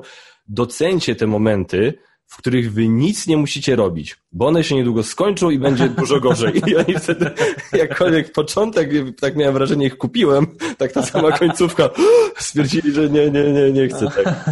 Więc to zawsze ten miecz obusieczny po prostu niestety tak to, tak to działa. Ale nie, no masz rację, ja też y, mam nadzieję, że moja żona posłucha tego podcastu, e, zwłaszcza w kontekście robienia jedzenia, po prostu non codziennie. Ona jest teraz chora na przykład. Właśnie, by the way, jeżeli ktoś słyszy w tle jakieś odgłosy, to moja żona jest y, chora i ma moje dziecko właśnie małe może, mogło się przed chwilą obudzić, więc jakieś tam odgłosy mogły być. No chyba nie ale, słychać na razie. No. Ale po prostu wiesz, i mimo wszystko ona się zajeżdża, nie? Ona wczoraj zrobiła na obiad pizzę. Moja żona, chora, zrobiła pizzę. Po prostu no, ja, ja mówię... Tak, kochanie, mhm, ona ale... stanie po prostu tak, to jest taki później e, obraz e, matki Polki po prostu takiej... E, Którego ona nie cierpi ona swoją drogą. Tak, no, ale to potem robisz i, i, i w sumie to jest jak zaprogramowane, po prostu nieświadomie i nie chcesz tego robić i wiesz, że to jest złe, a robisz to mimo wszystko. Ja mówię, ale ja, ja, ja do niej mówię, wiesz, ja mówię, ona mówi, no ale co ja mam robić? Co, mam nie robić obiad? Ja mówię, nie, kochanie, po pierwsze, mamy opcję, naprawdę, ja mogę nam zamówić obiad. Po drugie, bo ja na przykład pracuję, tak, więc ja też niestety nie mogę się oderwać na tyle, żeby sam zrobić obiad, to... Mhm. ale mogę zamówić, bo możemy sobie pozwolić na to, żeby sobie raz na jakiś czas po prostu zamówić obiad. Po drugie, jesteśmy zamknięci w domu od sześciu miesięcy, ja widzę, jak to, jakie ty robisz potrawy i wiem, że są prostsze potrawy, mniej czasochłonne niż pierdolona pizza. Właśnie. Poza tym, nie mówmy się, jest też, ale... może, może to nie będzie najlepsza rzecz na świecie, ale jak ma się te, taką właśnie 12 czy 13-letnią czy 14-letnią córkę w domu czy syna, to jakby YouTube, tak? Włącz YouTube, zrób obiad. Dokładnie. Więc jakby umówmy się, ja też kiedyś zaczynałem od tego poziomu, że jakby sprawdzałem na YouTubie, jak gotować ryż, tak? Bo też miałem Ziemniaki, taką... no. No, jakby i są, ale są tutoriale? No są, są więc oczywiście. one są. I to nie jest tak, że ja byłem pierwszą osobą, która to oglądała, drugą, nie, nie żartuję, ale tylko to oglądało dziesiątki tysięcy ludzi, tak? tak? Jak, jak gotować ryż, bo właśnie też jakby to akurat nie wynikało z tego, jak moi rodzice podchodzili, ale miałem babcię w domu, która po prostu we wszystkim nas wyręczała I ja do kuchni to nie miałem dostępu jako tako, więc ja wyszedłem z domu, jakbyś mnie zapytał, co robimy dzisiaj na obiad, to bym zapytał, a z czym, jest, z czym lubisz kanapki, nie? Tak, dokładnie. Jakby to jest ten poziom, więc ja się wszystkiego też musiałem nauczyć osobiście, szczególnie, że no potem jak wszedłem e, od razu praktycznie e, w, w gastronomię, więc też jest tak, że później jakby też nie miałem możliwości rozwoju, bo umówmy się, jeżeli nie umiałem gotować wcześniej, no to jakby nie nadawałem się do tego, żeby gotować w gastronomii, tak? Tym bardziej.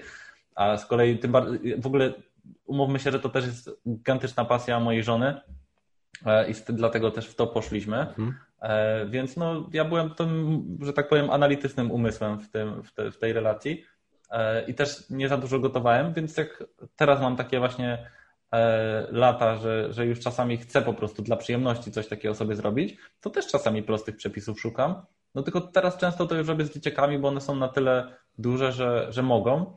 E, poza tym, jak na przykład widzę, pamiętam do dzisiaj, jak mój siedmiolatek zrobił sobie kiedyś jajecznicę i to było tak, że przyszedł, siedzieliśmy przy stole ja, moja żona i teściowa i on przyszedł, e, teraz już nie pamiętam, chyba do, do, do mojej żony, czemu zrobi jajecznicę. Ja mówię, przecież ostatnio pokazywałem ci, jak się robi. A ja nie pamiętam. To ci pokażę ci jeszcze raz. Dobra, pamiętam. Więc to pierwsza rzecz, ale druga rzecz, jak on ją zrobił, jak on ją zrobił, to był taki szczęśliwy. To Oj, jest to tak. poczucie sprawczości, tak? Że on coś jest w stanie zrobić sam. To jest. Dzieciakom w dzisiejszym świecie tego brakuje. Wszystko jest wirtualne. Właśnie. E, no nie wiem, jak my widzieliśmy coś w telewizji, to zanim my to dostaliśmy, to minęły lata. Teraz jest Amazon Prime i po prostu jak dwie godziny i ma być w ręce, nie? Tak jest. Więc no, z tą cierpliwością też jest tutaj też, też jest problem, ale to poczucie sprawczości. Najczęściej to dają gry albo jakieś takie rzeczy, dlatego dzieciaki tak chętnie w to uciekają, bo tam jak, nie wiem, pójdzie się na tą na przykład e, jakąś farmę w grze i coś się zasadzi, to następny dzień już mam produkt, tak? A ten dzień trwa 5 minut, więc to już jest super. E, a w normalnym świecie no trochę trzeba poczekać na różne rzeczy, e, ale też tego jest mało, bo wyręcza się dzieciaki po prostu najczęściej. Tak. Ale to jest niesamowite. Po prostu e, to poczucie właśnie sprawczości, o którym mówisz, to jest no, naprawdę, nie jest dużo lepszych widoków dla rodzica, niż jak zobaczyć dziecko po prostu szczęśliwe z czegoś, co mu się udało zrobić, osiągnąć. To jest, to jest niesamowite. To jest na zasadzie, wiesz, my bardzo lubimy robić sobie e, w weekendy takie spacery i lubimy czasami naprawdę dłuższe spacery robić tam po kilkanaście kilometrów i wiesz, po lasach, uwielbiamy lasy po prostu. My mieszka, mieszkamy w Gdańsku, ja nienawidzę morza po prostu. Ja nienawidzę plaży, nie? a las uwielbiam. Zajebiście, fajnie, fajnie mieszkam. ale, ale wiesz, i, i, i, i na przykład ściągamy i moja córa, młody, młody jest po prostu pełen energii, to jest po prostu, wiesz, mały wariat, po prostu biega i, i go nie jest w stanie nic zmęczyć. E, córa, po 15-20 minutach zaczyna marudzić, nie? Zaczyna marudzić tak konkretnie, do niej mówimy, Zośka, chodź, nie, tam zwolnimy troszkę, chodź, chodź, chodź, idziemy, coś tam, coś tam, ona jęczy, ona jest prawie na granicy płaczu i tak dalej, że ona już nie chce, mówię, nie, Zośka, zobaczysz, będzie dobrze. I kurde, ale to jest, wiesz, to jest za każdym razem. I za każdym razem na koniec spaceru ona ma wielki banan na mordzie, że jej się to udało, ona nas przeprasza, że ona marudziła i on obiecuje, za każdym razem też obiecuje, że następnym razem już nie będzie marudzić. Dobra, dobra, poczekamy. I wiesz, i wiesz, ale za każdym razem... I, Podpisz tutaj. Nie? Dokładnie. Że ja nie mówię, będziesz. Widzę, ale widzę po jej twarzy taką, wiesz, taką dumę, taką radość, nie? że po prostu, że kurde, nie odpuściłam, że wiesz, że my nie odpuściliśmy, nie stwierdziliśmy, no dobra, to wracamy, nie? Na zasadzie, mhm. nie, nie, słuchaj, mamy plan na dzisiaj, to jest zdro, to jest dla naszego zdrowia, to jest dla naszego dobra, spędzamy razem czas, realizujemy plan od A do Z, nie? I kurde, i widać po niej to, że ona po prostu, że, że, że to jest zajebistą radość sprawia. I, i to no. jest, oby więcej znaczy, ludzi tak miało. Z dziećmi w ogóle jest to ciężkie ze spacerami, że no, idziesz na przykład do zoo, ja to po prostu uwielbiam, tak? Idziesz do tego zoo, przechodzisz, umówmy się, jak zrobicie całe zoo, jakiekolwiek, na przykład takie chorzowskie, to się już umiera w połowie, e, ale na przykład taka Ostrawa, świetne zoo, e, czy, czy Wrocław, jak się zrobi to zoo, to jest się podniętym. I co robią dzieci? Idą odpocząć na plac zabaw. Po prostu zero logiki, w sensie jakby gdzie tu jest sens, w sensie ta, ten plac zabaw jest trzypiętrowy, tam trzeba się wspiąć, tam trzeba biegać, tam trzeba szaleć i oni przez tą godzinę odpoczywają na placu zabaw biegając, tak? Magia. A, a iść nie mogą, nie? Bo już, więc tak samo na przykład jak ja bym zabrał dzieciaki po prostu tak do lasu, to one pięć minut się nudzą, są zmęczone, nogi je bolą. Ale jak idziemy na przykład do chatki w górach, jak idziemy na grzyby, to ja mówię, dzieciaki, chodźmy już, co? Ja mam już dość. Chodźmy. Nie? Jesteśmy tu 7 godzin. Nie no, przesadzam teraz oczywiście trochę, ale, ale trochę tak jest, że jak mają tylko jakiś cel, to, to zrobią wszystko. I, I często właśnie się z tym spotykam, że rodzice próbują przekonać dzieci do robienia czegoś, nie mówiąc im, dlaczego warto to zrobić, albo dlaczego oni to robią. Albo podają powody dorosłe. Czyli na przykład posprzątaj pokój, bo wtedy jest ładnie w domu. No to niekoniecznie jest argument dla dziecka, no. że, że to jest jakiś tam jeszcze pomaganie, na, na przykład my mamy tę zasadę, że twój pokój, twoja, twoja twierdza, tam powiedzmy dopóki, dopóki pleś nie, nie, nie zaczyna tam budować miast, e, ale jeśli chodzi o części wspólne, no to na przykład o nie dbamy wspólnie, tak? I to nie ma tak, że to możesz poczekać tydzień i na przykład nie posprzątać, no bo wszyscy z tego korzystamy, każdy do tego domu coś wkłada. Ale, ale jak dziecko ma jakiś cel, na przykład przychodzi ktoś, tak zresztą umówmy się, jak my zaczynamy sprzątać w domu, to zaraz dzieci pytają, jak to przychodzi, nie? Trochę tak. To tak. Klasyka, tak? Ale jak do dziecka ktoś przychodzi, to ono też posprząta ten pokój, bo też ma powód. No i są różne takie jakby później argumenty, e, których można użyć, ale jeżeli wymyśli się odpowiednio dobry cel, to drugiego człowieka wtedy przekonamy do wszystkiego.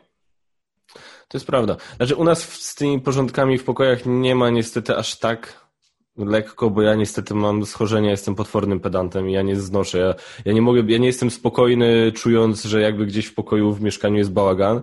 Czyli się e... jednak nie polubimy. Może być kiepsko. Nie, nie, spoko.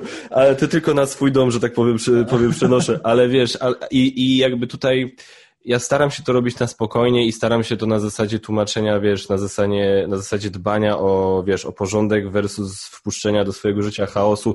Faktycznie czasami pewnie uciekam w takie dorosłe tony, w sensie tematy, które bardziej dorosły człowiek doceni niż dziecko, ale jakby to jest też jakoś gdzieś tam, tak wiesz, tak, takimi bodźcami staram się jakby ich ukierunkować, ponieważ gdzieś tam wierzę, że e, po prostu takie dbanie o porządek w swoim pokoju, w swojej przestrzeni uczy gdzieś tam jakiejś odpowiedzialności za swoje rzeczy, za swoją przestrzeń, tak? I że to jest, nie wiem, jakaś metafora, czy jakieś coś, którą można potem przenieść okay. na inne rzeczy w życiu, jakoś tak też. Albo, ale może to być po prostu, że to jest moja jakaś racjonalizacja właśnie tego, że po prostu z tym pieprzonym pedantem, który nie może znieść tego, że za zamkniętymi drzwiami mojej córki jest po prostu... Ja, ja ten regał, który tutaj widzisz, ja 20 minut przed naszą rozmową po prostu układałem te książki, bo wiedziałem, że będzie w ujęciu.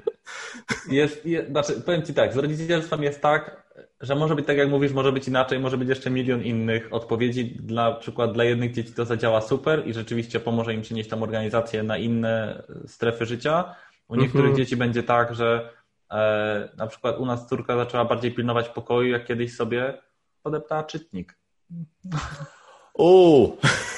To jest bolesne i to jest takie bolesne. Ja na przykład do dzisiaj pamiętam, e, to mi, pomo- to mi zaoszczędziło w sumie jakbym przeliczył setki tysięcy złotych w moim życiu. Jak kiedyś kupiłem zabawkę z telewizji. Za stówę. Pisałeś o tym w książce chyba. Chyba tak. Po prostu to była tak badziewna zabawka. Zostało mi to na całe życie. To była konsekwencja mojej decyzji. I to było tak, że ja te pieniądze zbierałem przez jakiś czas i moi rodzice pozwolili mi ponieść konsekwencje tej decyzji. Pozwolili mi kupić tą badziewną zabawkę, prawdopodobnie wiedząc, że jest badziewna, no mogli powiedzieć, to jest badziewna zabawka, nie kupuj tego. Ja do końca życia bym żałował, że nie kupiłem takiej świetnej zabawki. A to był taki badziew. E, I, i naprawdę potem za każdym razem po prostu nie wiem. E, kolejny taki zakup, miałem już 20 chyba parę lat, kupiłem sobie tablet. To był, to był drugi zakup w moim życiu, którego tak żałowałem, e, bo w ogóle pieniądze na to uzbierałem ze złomu, bo ogólnie miałem tak, że postanowiłem sobie cel tablet, 2000 zł, taki świetny tablet Samsunga.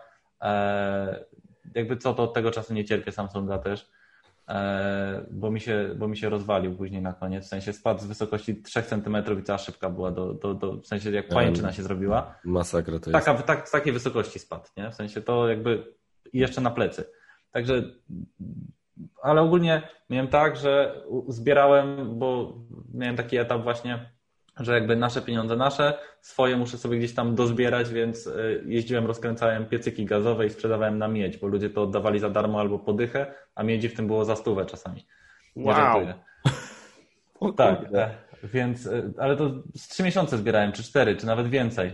I w końcu mi się udało i kupiłem ten tablet i się okazało, że to jest takie coś właśnie jak z tymi grami Lucrum, w sensie o których mówiliśmy wcześniej, E, czyli albo robimy telefony, albo robimy komputery, a to jest takie coś pomiędzy. Nie cierpię tego pomiędzy. To ani się nie nadaje do pisania, ani się nie nadaje do czegoś szybkiego, ani z tego nie skorzystam jak z laptopa, ani z tego nie skorzystam jak z telefonu, bo tego nie zabiorę ze sobą wszędzie. Zresztą pamiętam, jak pojechałem właśnie, to był mój najlepszy aparat, więc kiedyś zabrałem to na konferencję blogową, więc jak robiłem zdjęcia, to wyciągałem taką cegłę dziesięciocalową po prostu, nawet chyba więcej chyba 11 cali miało, więc miałem takie, taki po prostu toster ze sobą i robiłem tym zdjęcia z wszystkimi ludźmi. Patrzyli się na mnie jak na kretyna, słusznie. Zresztą umówmy się. Więc e, to był najgorszy zakup w moim dorosłym życiu, tamten był najgorszy zakup w dziecięcym.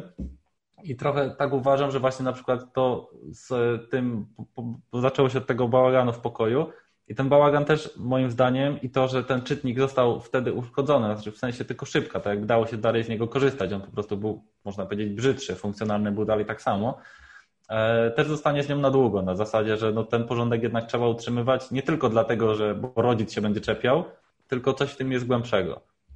No, ale to jest bardzo ważne też e, i na pewno ty nie masz z tym problemu. Ja, ja się niestety łapię na tym, że mam ciągle ten problem, e, żeby umiejętnie z dziećmi o tych rzeczach jakby rozmawiać, tak? Czyli ani nie zamiatać pod dywan, ani nie starać się wymienić tego od razu nowym czytnikiem, ani z tych rzeczy, tak?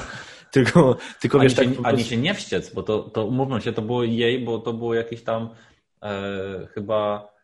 No nie wiem, ale czy to jakiś był prezent składkowy, czy coś, no jakby zakładam, że jeżeli coś moje dzieci dostają od nas, e, no przypadek inny był telefon, jeżeli dostawały nasze telefony, bo na przykład były na tyle jeszcze małe, nie wiem, miały 7 czy 8 lat i dostawały telefon, bo musiały gdzieś zadzwonić, jak jechały, to dalej wiedziały, że to jest nasz telefon.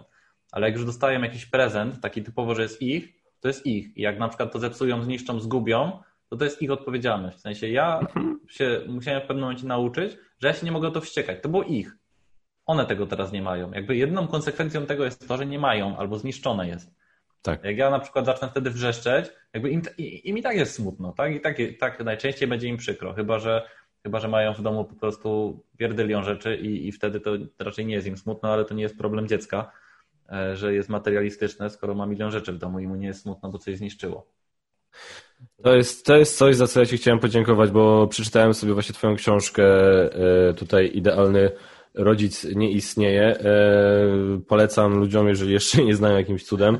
E, pamiętam, że ten, że sobie zacząłem robić notatki na początku w miejscach, o których chciałem pogadać, z którymi się zgadzam, ale gdzieś po czwartej, a jest to ciągle tutaj blisko początku, stwierdziłem walić to, bo generalnie będę miał po prostu pełno zakładek, bo się prawie ze wszystkim zgadzam. E, I właśnie tutaj fajnie, i tutaj mnie zainspirowałeś na przykład właśnie, bo mój syn ma, ma od zarąbania zabawek, nie? I jakby to, i, i to jest faktycznie, i kończy się to zawsze bałaganem, kończy się to zniszczonymi rzeczami, za którymi się po prostu nie płacze, bo, bo jest zawsze coś innego, co odwróci uwagę jakby i tak dalej. E, I faktycznie mnie zainspirowałeś, że i, te, i tak muszę z nim usiąść w ten weekend do zrobienia porządku. Właśnie, ja, to jest to, ja, ja sprzątam, ja się tak, moja żona zajmuje się pokojem naszej córy, ja się zajmuję pokojem syna, że tak powiem. Okay. I to zawsze wygląda tak, że w sobotę ja z nim idziemy, dobra młody, idziemy sprzątać, tak? I przy okazji powtarzamy, że te zabawki leżą w tym kartonie tu, te zabawki w tym kartonie tu i tak dalej, nie?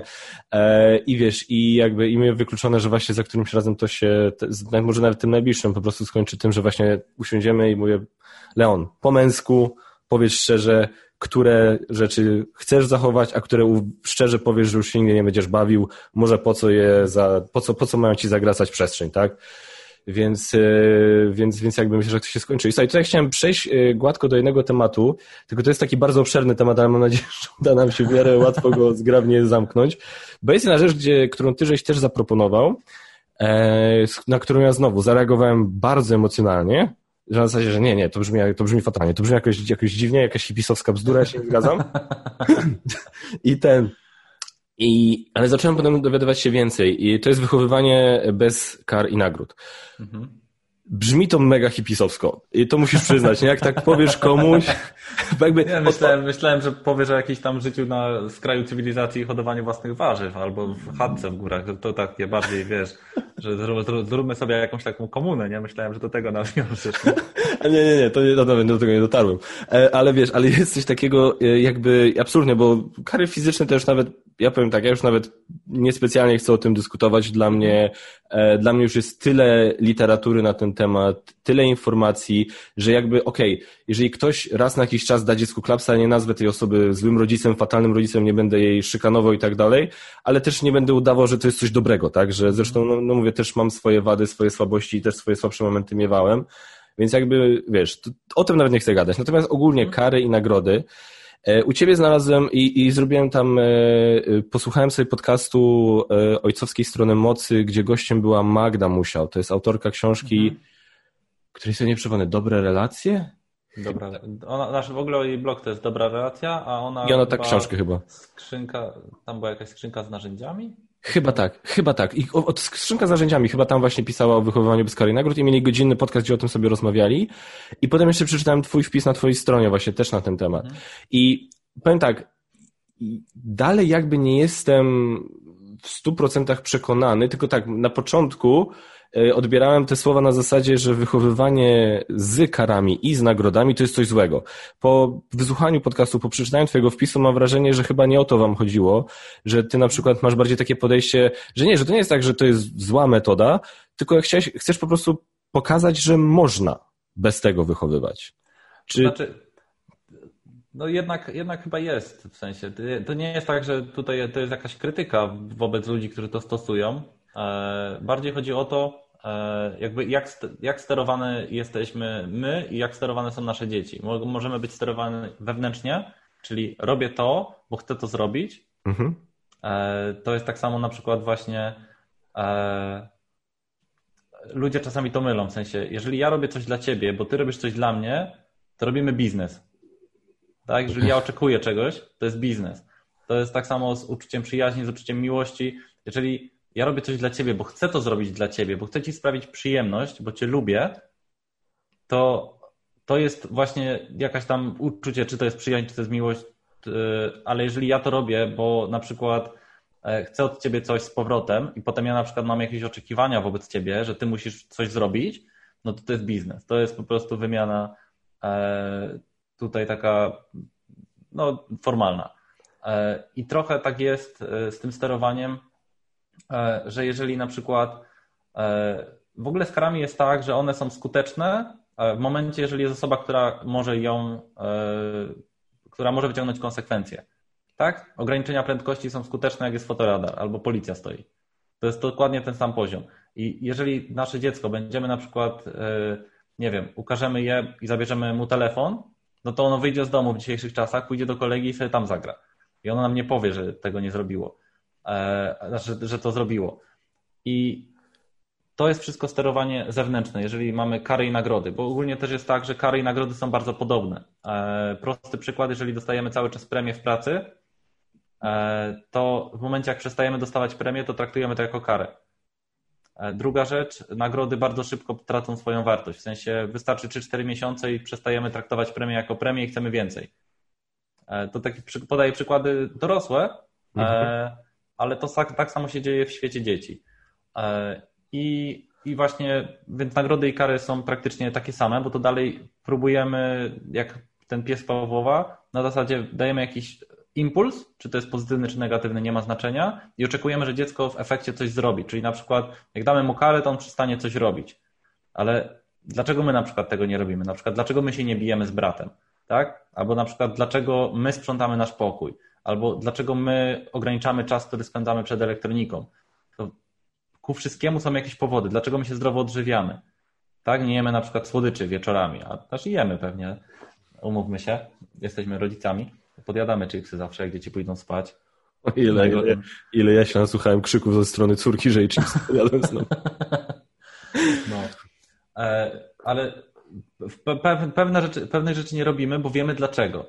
Więc teraz, jeżeli mamy dziecko na tyle małe, nie wiem, roczne, dwuletnie, E, że ono nie zrozumie, no to jak mu damy karę czy klapsa, to ono też nie zrozumie. Nie, nie, to jest to tak, z takimi małymi dziećmi to jest prawda. A jeżeli mamy dziecko, nie wiem, już starsze, które zrozumie, e, no to możemy mu wytłumaczyć.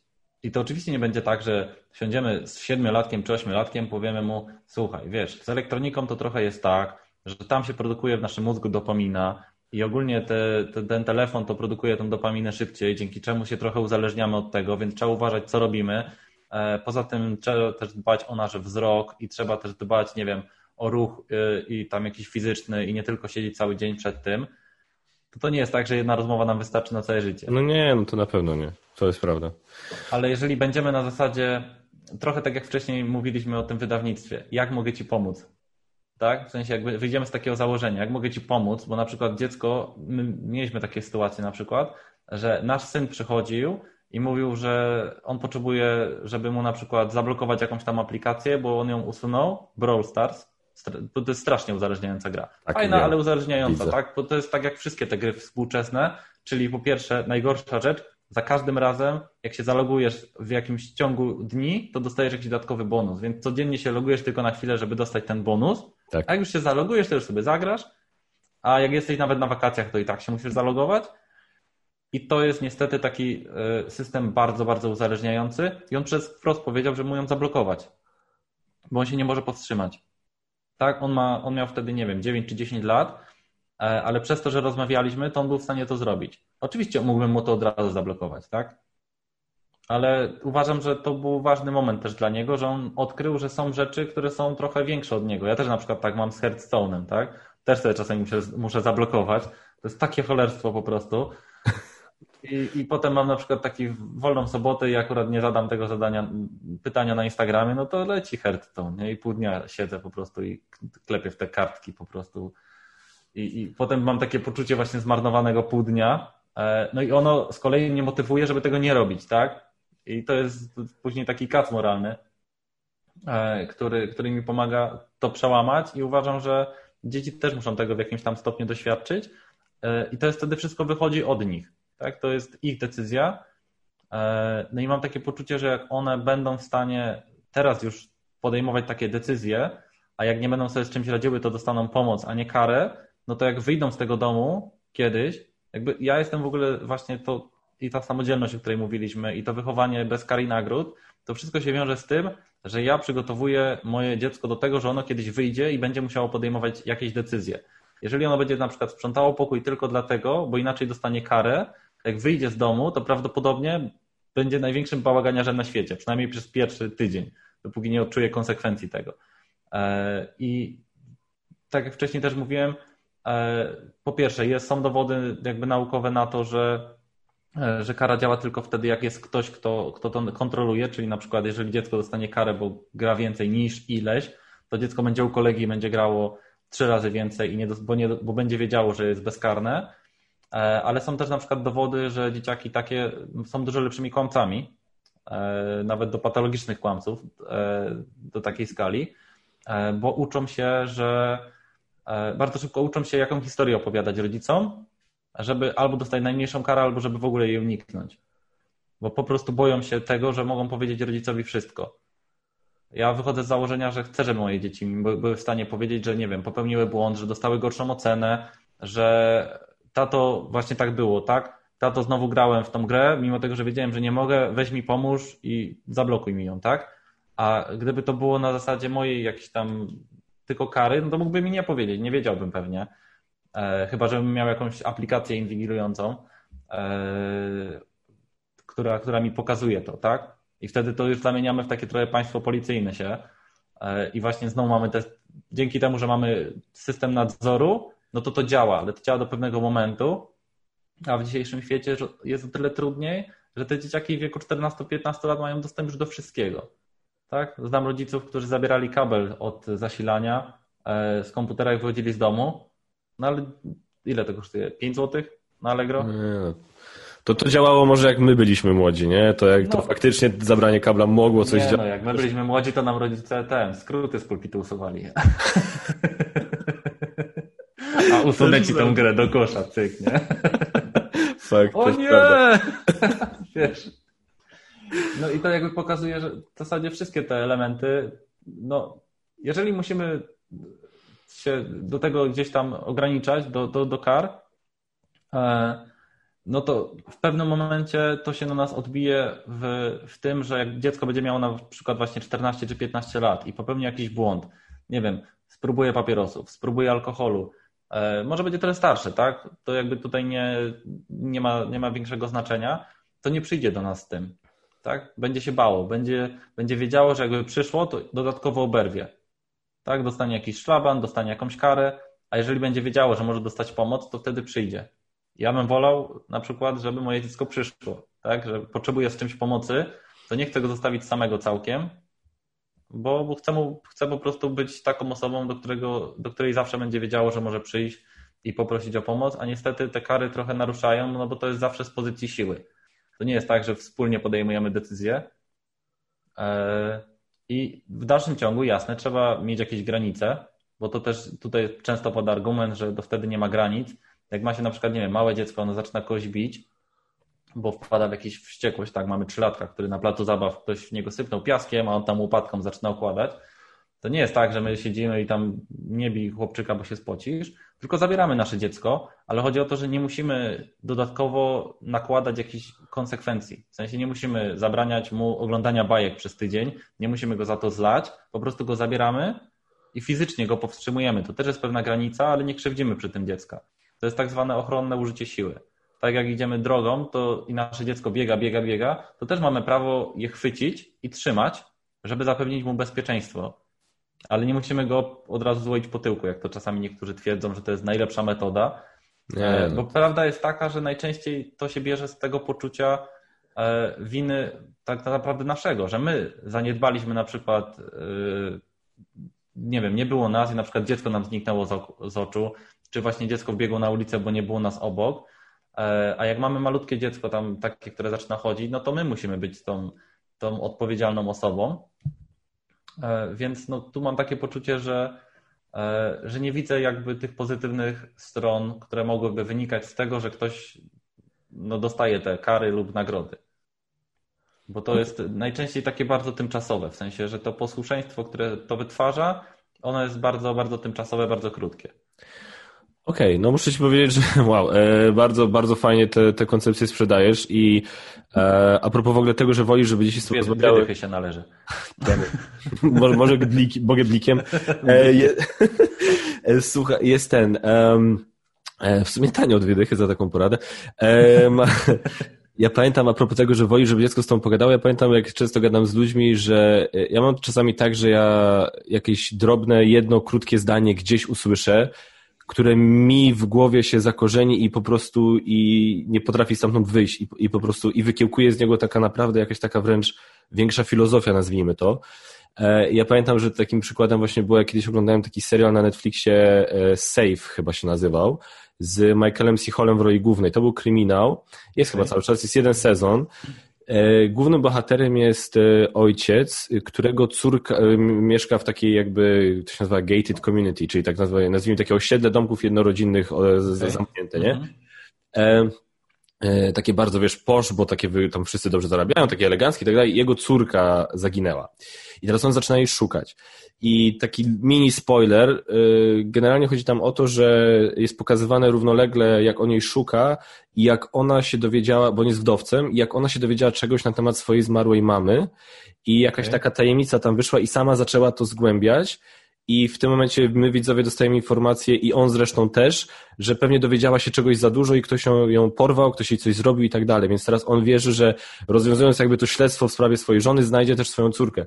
I on tam ma jedną scenę, gdzie on ze swoją tam koleżanką, czy tam dziewczyną w sumie e, rozmawia i mówi jej takie jedno zdanie które mi po prostu nie, nie, nie, nie, nigdy mi nie wyjdzie mi z głowy, bo on do niej mówi, wiadomo, to jest też taki ekstremalny przykład, tak, córka mhm. zaginęła, ale mimo wszystko on do niej mówi, że nie mogę przestać myśleć o tym, że gdybym miał lepszą relację z nią, to w momencie, jak ona się dowiedziałaby czegoś o, tej, o, o mojej żonie, o swojej mamie, to pierwszą rzeczą, którą by zrobiła, to by przyszła z tym do mnie. Normalnie mam ciary. Normalnie mam ciary. Jak to Prawda? teraz. Ja tak, ja tak samo. I to jest, ja mówię, i tak, ja pamiętam, że jak ja to usłyszałem, mówię, kurwa, no faktycznie. I o to, o to chodzi, tak? I, I ja nawet o tym serialu opowiadałem swojej dziesięcioletniej córce na zasadzie o tej, o tej scenie i mówię jej na zasadzie, Zosiu, żebyś ty, ja chcę, żebyś ty o tym zapamiętał. Ja do, wracam czasami do tego, jak z nią gadam o tym i, i, i mówię jej o tym właśnie, że i przypominam jej o tym, żeby, żebyś ty wiedziała, że nieważne, ja się mogę czasami wściec, mogę ci jakąś dać karę, mogę być nieprzyjemny, możesz być na mnie zła, ale pamiętaj, żeby właśnie, wiesz, i opowiada mi o tym i tak dalej, żeby ona o tym pamiętała i, i, i to faktycznie, hmm. i już, już teraz, jak jej o tym mówię, to wspominam, to ona, ona, ona tak sobie to przypomina, ona wiem, wiem, wiem tato, nie? I, i, i wiesz, i jakby, i to jest, to jest święta racja i dlatego uważam, że, żeby też było jasne, z jakiego stanowiska ja tutaj w ogóle wychodzę, mhm. jakby, okej, okay, ja może nie jestem totalnie przeciwny karom i nagrodom, ale przede wszystkim zdecydowana mniejszość, jeśli chodzi o środki wychowawcze, jakie są stosowane, bo to jest naprawdę wyjątkowy sytuacja. No, na przykład, jak dzieci zniszczą coś swojego, tak jak ty mówiłeś, zero konsekwencji w postaci kary. No, to jest po prostu, mhm. no, musisz z tym żyć. Niestety, tak? mhm. tak? Jak ja sobie coś zniszczę, muszę z tym żyć. E, fatalny przykład kiedyś dałem, bo dzieci zniszczyły żonie tablet, to następnego dnia pojechałem jej kupić, więc no, to może był wtedy lekki błąd, ale to jeszcze wiesz, młody głupi byłem. E, ale ten, ale więc jakby to jest po pierwsze, że to jest naprawdę bardzo rzadko stosowane. Po drugie, zawsze towarzyszy temu rozmowa, że było wiadomo z czego to wynika i przede wszystkim czego ja chcę nauczyć, mhm. żeby zrozumiało przez tą karę. Trzecia rzecz, którą też kiedyś usłyszałem z jakiegoś szkolenia, że to nie jest tak, żeby nie było nigdy, że kara jest w jakimś totalnym oderwaniu od jakby przyczyny, tak? Na zasadzie, że e, właśnie nie wiem, e, masz burdel w pokoju, to przez tydzień masz baję. Tak. To, to jakby wiesz, nie ma sensu. Nie, na przykład, masz bałagan w pokoju, nie może do siebie przyjść koleżanka, bo nie będziemy zapraszać kogoś do zabałagonionego pokoju, tak? Czyli jakby, żeby to było bardziej na zasadzie jakby takiej wymuszonej, nazwijmy to, konsekwencji. Mhm. Tego, tak? Na przykład, tak. Zachow, troszkę w sumie zbliżony do przykładu, który ty podajesz z placem zabaw, tak? Na przykład oni się grają sobie razem w PlayStation i zaczynają się po prostu naparzać, okej, okay, nie jesteście w stanie być razem i się grzecznie zachowywać, to idźcie każdy do siebie, odetchnijcie, wrócimy, pogadamy, może będzie fajnie, znowu pogramy, nie?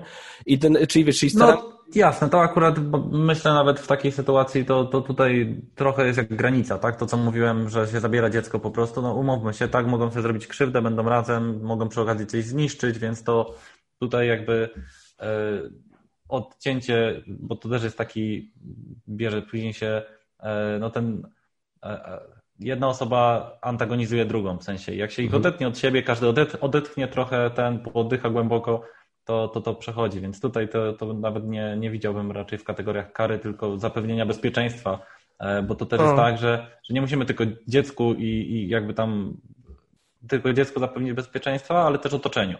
Tak? Bo jak dziecko będzie wściekłe, to może przed, przed jakby po prostu bezmyślnie coś zniszczyć. Tak? Też czasami wpadaliśmy w taką furię kiedyś jako dzieciaki czy nastolatkowie, e, że po prostu coś zniszczyliśmy, a potem bardzo tego żałowaliśmy. I prawda jest taka, że na przykład y, obrywaliśmy karą, a w sumie dla nas ta kara była bez znaczenia, bo na przykład sami sobie coś zniszczyliśmy, e, coś na co pracowaliśmy długo. Tak, ja pamiętam jak kiedyś na przykład mój brat wpadł w taką wściekłość, że mieliśmy plakaty, ale w sensie kupowaliśmy PSX Extreme i PSX Fun i tam mieliśmy po prostu plakatów pełną ścianę, tak po prostu, no nie wiem, z 80. I on tak przyjechał ręką po tej ścianie i tak zerwał tak połowę tych plakatów. Oczywiście oberwało się jemu i mi, ale to ta kara nie miała żadnego znaczenia. Nie pamiętam w ogóle jaka to była kara, w ogóle co ten. Na pewno nam się jakoś oberwało, bo się tam pokłóciliśmy, ale to nie miało żadnego znaczenia. Najgorsze, co się nam stało, to było właśnie to, że nie mieliśmy tych plakatów, tak? I to, był, to była najgorsza konsekwencja. Więc patrząc z perspektywy czasu, to tutaj też widzę, że na przykład no nie było sensu już dawać dodatkowej kary. To dziecko już poniosło najgorszą rzecz, jaką, jaką mogło, nie? Nie, nie, absolutnie. Jeżeli, jeżeli jest taka jasna i konkretna i bardzo odczuwalna konsekwencja, to ja też mówię, absolutnie, po co do tego dokładać, tak? Czas, czasami nie ma, bo czasami na przykład zrobisz coś, przez to jakaś inna osoba jest smutna, tak? Bo mhm. na przykład właśnie, e, to nie wiem, dzieciak się pobije z jakimś innym dzieciakiem, tak? E, albo na przykład e, w złości mu coś zabrał, tak? Bo na przykład tamten coś o nim powiedział, to temu coś zabrał. No nie ma takiej jakby rzeczywistej, namacalnej konsekwencji. Po prostu te relacje między dzieciakami są gorsze. No i czasami to jest tyle. Wtedy, wtedy ta rozmowa jest trudniejsza, no bo wtedy trzeba pokazać dzieciom, że ich konsekwencją jakby zachowania może być to, że na przykład będą mniej lubiane w szkole, będą miały mniej kolegów, e, będą miały trudniejsze relacje. E, to nie jest takie proste wtedy do wytłumaczenia, ale to jakby nie, nie zwalnia nas z tego, że, że możemy po prostu przyjść, dobra, pobiłeś się z kolegą, to tam tracisz jakiś tam przywilej i załatwiona sprawa, tak? W sensie... Nie, nie, to jest... Bo to jest, to jest taki, ja to nazywam zupki chińskie rodzicielstwa, po prostu taki quick fix, nie? W sensie bierzemy tak. ciach, po prostu WD-40, psik, psik, srebrna taśma dookoła i, i mamy załatwione, nie? E, I, I czasami tak trochę jest właśnie, to co wspomniałeś, to jest bardzo ważne, e, że przede wszystkim to jest rozmowa, tak? W sensie, tak. Co, co z tego możemy się nauczyć z tej całej sytuacji. W ogóle chciałem jeszcze też powiedzieć, że straszny szacun za to, że wymieniłeś serial na Netflixie, którego nie oglądałem.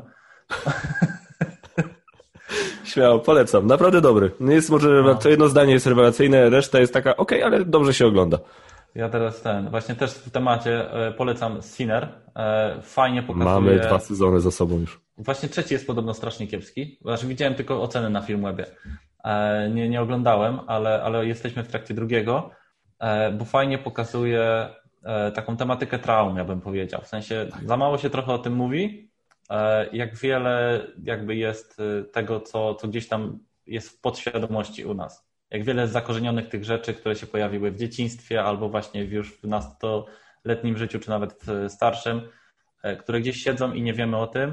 Ja w ogóle, gdybym mógł, to bym zaorał połowę przedmiotów szkolnych i wprowadził tam właśnie na przykład psychoterapię dla każdego dzieciaka w liceum tak? Uważam, że nawet jeżeli ktoś nie ma jakichś traum, uważam, że to jest bardzo ważne, żeby mimo wszystko, no poza tym chyba nie ma człowieka, który by jakby, może nie używajmy słowa trauma, bo to jest jakieś takie już cięższe, mhm. ale czegoś, co chciałby przepracować, myślę, że każdy by coś znalazł. W sensie Oczywiście. każdy ma na przykład jakieś chociaż delikatne uzależnienie. Czy to może być od telefonu, może być od zakupów, może być od papierosów, alkoholu, hazardu. E, ciekawostka, większość uzależnień się pojawi w wieku nastoletnim, dlaczego? E, dlatego, że dzieciaki właśnie mają rodziców, którzy, e, z którymi nie mają relacji w wyniku tego, że to jest autorytarne wychowanie najczęściej, albo po prostu rodziców nie ma, bo to też jest czasami tak, że wcale dziecka nie trzeba bić, ale rodzice biegają za kasą całymi dniami i ich nie ma, więc tej relacji też nie ma. E, a dzieciaki dojrzewają, przestają sobie radzić niektórymi rzeczami i nie mają z kim o tym pogadać, bo środowisko ich jest takie, że no, każdy jest po prostu samcem alfa, każdy jakby jak się spotykają ze znajomymi, szczególnie niestety to dopada facetów, dlatego to, e, to też jest e, kwestia później, dlaczego popadają częściej w uzależnienia, dlaczego częściej popełniają samobójstwa, dlaczego częściej chorują na depresję. No bo oczywiście jak się spotyka w męskim towarzystwie, szczególnie tym nastoletnim, no to nie jest, słuchaj chłopie, jak tam się trzymasz ten, tylko jest mierzenie, kto ma dłuższego kutasa, nie? No tak. E, trochę, trochę tak jest. Przykre. No. E, I nikt nie mówi o swoich uczuciach, nikt nie mówi o tym, że na przykład, nie wiem, ma ciężką sytuację w domu, e, tylko właśnie każdy próbuje być tym, być tym samcem alfa. No niestety w środowiskach kobiecych też takie sytuacje są i przez to później dzieciaki szukają sposobu, żeby sobie poradzić, no i patrzą po otoczeniu, jak sobie otoczenie radzi. Tak, najczęściej to są właśnie papierosy, hazard, alkohol, pornografia, e, konsumpcyjny, taki kompulsywny konsumpcjonizm, e, że po prostu zakupy, czy właśnie jakieś gry, czy, czy jakieś inne rozrywki, które, e, które gdzieś tam ktoś może sobie znaleźć. No i bardzo łatwo później się tworzy uzależnienie właśnie, bo to jest ten, jest mi smutno, robię to. Tak? I kojarzę jedno z drugim, potem i to później trwa całe życie. Niestety. Więc jestem za tym, żeby, żeby przepracowywać sobie takie rzeczy i, i, i gdzieś tam e, zrobić sobie taki prezent. E, niestety ostatnio podsumowałem terapię świetnie, że się przychodzi, mówi się, mówi się, mówi się, mówi się, mówi się, potem 150 się należy i się wychodzi, e, zarówno na, na duszy, jak i na portfelu. E, I to jest niestety problem w Polsce, że dostęp do tego jest strasznie ograniczony, e, że jest to kosztowne, bo jest to bardzo kosztowne i ja nie ukrywam na przykład, że ja zrezygnowałem z psychoterapii właśnie z powodów też finansowych, e, bo mówmy się, jedno spotkanie w tygodniu to jest takie, takie optymalne, no 600 zł miesięcznie to jest kupa kasy. I teraz jakby mm, to jest naprawdę kupa kasy, a jeśli chodzi o jakieś takie e, na NFZ, to dostanie się do takiego specjalisty też trwa, więc tutaj na pewno mamy dużą pracę do wykonania jako, jako kraj, jako społeczeństwo. E, żeby, żeby coś z tym zrobić, żeby e, jeszcze też ściągnąć tą stygmatyzację, w sensie, że jak chodzisz do psychoterapeuty, to jesteś czubkiem, jak chodzisz do psychologa dziecięcego, to, to znaczy, że jesteś gównianym rodzicem. E, uważam, że to jest strasznie szkodliwa taka, takie podejście i ja zawsze powtarzam, jak boli cię ząb, to co robisz? Tak? Idziesz do dentysty. Jak masz problem z dzieckiem, to przejdźcie do psychologa dziecięcego, jeżeli to jest dla ciebie naprawdę duży problem, bo czasami bardzo często jest tak, że ci rodzice pójdą, oni usłyszą, wszystko jest w porządku i oni się zmieniają o 180 stopni, nawet o 360. ale, ale naprawdę jest tak, że oni usłyszą, że robią wszystko dobrze, tylko na przykład to jest jakaś faza, to jest jakiś etap dziecka, tak? I jest okej. Okay nic się nie dzieje. Jakby po prostu, nie wiem, musicie przeczekać, robicie dobrą robotę, wszystko jest ok i oni zupełnie inaczej wracają do domu, zupełnie inaczej podchodzą do wszystkiego, przestają się tak stresować, przestają się załamywać, więc ja jestem dużym zwolennikiem tego, żeby z tego korzystać. Niestety dostęp do tego jest po pierwsze ograniczony, po drugie drogi, po trzecie ta pomoc też nie zawsze jest profesjonalna, bo spotkałem się z tym, że byli psychologowie, e, którzy zalecali e, kary cielesne, tak z ekstremalnych przy, przykładów, ale też tacy, którzy właśnie jakieś tam kary na zasadzie po prostu stosowania kar, gdzie no, psychologia jakby się zgadza, jeśli chodzi o takie naukowy konsensus w tej chwili. Tak jak wiemy, że nie wiem, Ziemia nie jest płaska, tak samo zgadza się, że no, sterowanie to zewnętrzne jest szkodliwe, bo jeżeli my nauczymy dziecko, że e, ono się ma podporządkować silniejszemu, to też jest bardzo ważna rzecz. W sensie już nie tylko chodzi o tą naszą relację, że każda kara gdzieś tam trochę narusza tą więź, ale chodzi o to, że jeżeli dziecko jest sterowane zewnętrznie, to łatwiej będzie w przyszłości e, ulegało innym. W sensie bardziej będzie narażony na mobbing na przykład w pracy, bardziej będzie narażony na to, że znajomi go nakłonią e, do właśnie spróbowania jakichś używek, bardziej jest większa szansa na to, że wejdzie w związek, gdzie ta druga osoba będzie ją wykorzystywać mhm. e, i to się tak później ciągnie, tak? Im bardziej będzie sterowane zewnętrznie, im bardziej będzie my będziemy je zmuszać do posłuszeństwa, szczególnie jeżeli będzie to bezmyślne posłuszeństwo, czyli na zasadzie masz mnie słuchać, bo jestem większy albo ci wpieprzę, albo na przykład dam ci karę, albo ci zabiorę telefon, albo cię pozbawię w ogóle wszystkich przywilejów, będziesz siedział w domu i nic nie będziesz robił, e, no to jeżeli ono w końcu zacznie ulegać, to później innym też będzie ulegało. Ono nie będzie w stanie decydować samo za siebie, tylko będzie zawsze patrzyło na innych dookoła i decydowało na podstawie tego, co oni robią. No, słuchaj, no nie ma, bardzo trudno jest się z tym nie zgodzić, tak? To wszystko jest logiczne absolutnie i tak dalej. I jakby ja to, ja to kupuję. Z taką jedną rzeczą tylko się zastanawiam, jak ty byś się odniósł do takiego e, podejścia, że jakby kary i nagrody, aczkolwiek powtórzę, e, nie stosowane zbyt często, przemyślane, tak żeby wykazywały związek przyczynowo-skutkowy i oczywiście poprzedzone i po, po tym następujące, żeby była rozmowa, mhm. E, że takie rzeczy uczą też takiej, e, czegoś takiego jakby przygotowuje do dorosłego życia w takim sensie, że robisz coś dobrze, to spotyka cię coś dobrego. Wiesz, na zasadzie takiej karmy, nazwijmy to tak, wiesz. E, ja, znaczy, wiem, wiem, wiem, do czego zmierzasz i bardzo często się z tym spotykam właśnie, że jak kiedy na przykład mówię o szkole i o tym systemie ocen, bo system ocen też jest systemem kar i nagród. No tak. Tak? E, bardzo niesprawiedliwym systemem kar i nagród, zresztą jak większość tych systemów. E, I, i, I, wtedy słyszę na przykład argument, ok, ale to jest przygotowanie właśnie na przykład do pracy później, bo w pracy też jest tak, że jak robisz coś dobrze, to dostajesz premię, e, jak robisz coś źle, no to obrywasz jakimiś konsekwencjami innymi. I jeżeli to jest gdzieś tam taka wizja naszego życia, w sensie, że tam dzieciństwo, szkoła, potem jakieś korpo, E, system punktowy po prostu na każdym, na każdym kroku, e, no to myślę, że to jest jakieś tam, no może nawet spójne. Tylko to nie do końca jest taka wizja, jaką ja mam na przykład dla siebie, czy dla, dla ludzi, który, których e, lubię. Nawet już nie mówię, że tylko dla dzieci. Ale no, trochę mi to się kojarzy cały czas z tą właśnie taką wieczną inwigilacją, państwem policyjnym, E, ja, jeśli chodzi o jedną najważniejszą wartość, jaką mam w życiu, taką najważniejszą, najważniejszą podstawową, to jest wolność. To jest dla mnie e, coś, co cenię sobie ponad wszystko. Jesteś korwinistą? E, I... Nie. Miałem etap. Ja jestem libertarianinem, w sensie jestem zwolennikiem wolności dużym, ale nie jestem tradycjonalistą. W sensie ja jakby to jest tak, że czasami jestem, nazywają mnie prawakiem, a czasami e, lewakiem, więc to, to zależy, bo jestem za tym, żeby była wolność pod, pod wieloma względami dla wszystkich. W sensie, dopóki ja cię nie krzywdzę, to mnie zostaw w spokoju. Tak? E, I, i gdzieś tam e, bardzo sobie cenię, cenię takie właśnie, że spotykam się z ludźmi, których lubię, nie z którymi muszę, nikt mnie nie, gdzieś tam właśnie nie ocenia. I, i no mam takie poczucie, że to trochę też jest właśnie właśnie takie ocenianie. E, a z tymi jeszcze karami bardzo często jest tak, że pokazujemy wtedy, że błędy są czymś złym. Tak samo jest z ocenami w szkole.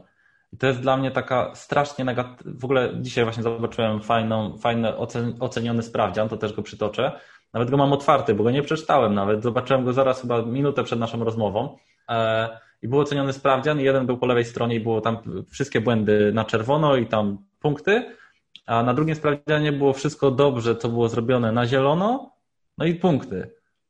W sensie jakby pominięte, na jednym sprawdzianie pominięte były dobre rzeczy, na drugim sprawdzianie pominięte były złe. Jakby wynik był taki sam, o. ale odbiór, odbiór był inny. To po pierwsze. Po drugie, ja patrzę na błędy jako na lekcje. Ja na przykład e, cała moja historia bloga się opiera na tym, że ja się dzieliłem swoimi błędami, że ja się tego nie bałem. A my się boimy błędów. Boimy się błędów. Dlaczego? Bo dostajemy za nie kary. Najczęściej. Tak, kary dostajemy w 99,9% przypadków za to, że popełniliśmy błąd. E, czasami dostajemy karę, to jest w ogóle absurd, za to, że nie wiedzieliśmy, czy czegoś nie wolno zrobić, bo nam nikt nie wytłumaczył. E, to też się niestety zdarza. To, to jest w ogóle już taki absurd. W sensie, jeżeli nie nauczyłeś czegoś dziecka, to nie wymaga. Nie, nie, nie. To jest, to jest trochę zalatuje patologią wręcz. Tak. E, ale tak, no, tak niestety jest, że dziecko powinno wiedzieć coś. No, czasami tak, czasami nie. E, I później też to jest takie, e, to, jakby są badania Carol Dweck, taki psycholog, na temat tego, dlaczego niektórzy osiągają lepsze wyniki w życiu, niektóre, niektórzy gorsze. I właśnie system ocen powoduje, że my zaczynamy wierzyć, że do czegoś się nadajemy, a do czegoś się nie nadajemy. W sensie to mamy to się nazywa fixed mindset, czyli takie stałe myślenie, że my jesteśmy dobrzy z matematyki, ale na przykład słabi z polskiego albo na odwrót i że tego się nie da zmienić. E, a jeżeli chodzi o jak to naprawdę wygląda, to e, możliwa jest zmiana tego myślenia na myślenie rozwojowe, growth mindset. E, I to polega na tym, że tak naprawdę każdą umiejętność możemy rozwinąć. Jak wcześniej wspomniałeś na przykład o swoim synu i umiejętnościach czy tam śpiewania, czy, czy rysowania, to to jest do rozwinięcia. Tak? Po prostu może go to nie ciekawi, dlatego w to nie idzie, ale tak samo z tobą zresztą, tak? Też możesz to rozwinąć. Jakbyś siadł na YouTube'a i spędził 20 godzin, tak? Jest, jest takie, taka teoria, że 20 godzin na czymś wystarczy spędzić, żeby, żeby rozwinąć to do takiego poziomu, że będziesz lepszy niż 98% ludzi na świecie. W sensie, którzy po prostu się tym nie zajmują. Brzmi bardzo żeby, żeby osiągnąć, e, żeby osiągnąć perfekcję jest potrzebne 10 tysięcy godzin. Tak, to też słyszałem. Tak, ale żeby osiągnąć ten poziom naprawdę lepszy niż większość, to jest 20 godzin. W sensie, żeby na, na przykład nauczyć się grać na instrumencie albo nauczyć się nowego języka. E, tylko to z kolei już musi być rozłożone na przykład po 10 minut dziennie na przełomie tam 4 miesięcy. Ale w dalszym ciągu to jest jakaś tam e, ograniczona e, do tych 20 godzin, gdzieś to się tam w większości sprawdza. I to jeśli chodzi o właśnie ten system kar, system ocen, one zabijają to myślenie. W sensie one powodują, że zaczynasz wierzyć, że do czegoś się nadajesz, do czegoś się nie nadajesz. To jest e, ogólnie bardzo krzywdzące, po, po pierwsze. E, po drugie, w szkole później też trochę jest tak, że ty się uczysz i dostajesz truje, ktoś przychodzi i mówi, że się nie uczył, dostał piątkę. E, więc masz takie, po co się uczyłem? Tak? Jakby e, w szkole konkurujesz z innymi, a jedną osobą, z którą powinieneś konkurować, jesteś ty sam sprzed chwili, tak? Czy tam sprzed paru dni. W sensie, czego ja się nauczyłem.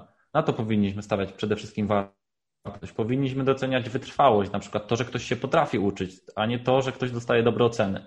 Bo ktoś może dostawać dobre oceny, bo na przykład jego pasjonuje ta matematyka i on odrobił tą pracę w domu już kiedyś, ale my nie widzieliśmy tego wysiłku, widzimy to, że on dostaje to bez żadnego wysiłku. Albo po prostu ktoś jest, ma jakieś predyspozycje genetyczne. To też jest tak, że jeśli chodzi o umiejętności miękkie, dużo zależy, dużo więcej zależy od naszego wychowania, a jeżeli chodzi o umiejętności takie ścisłe na przykład, to duża część jest zapisana w naszej genetyce. Są badania, które przeprowadzają. Ja wiem, że bardzo się zagłębiam teraz, jakby każdy spoko, temat spoko. tutaj jest, jest dość szeroki, e, ale jest, są takie badania, które przeprowadzają na e, bliźniakach, bo tylko wtedy mogą sprawdzić, co jest genetyczne, co nie. W sensie. Chyba też w książce E, tak, tam ogólnie jest tak, że na przykład umiejętności matematyczne chyba w 63% są genetyczne. E, później to reszta zależy od naszego nauczyciela, od naszych rodziców i tak dalej.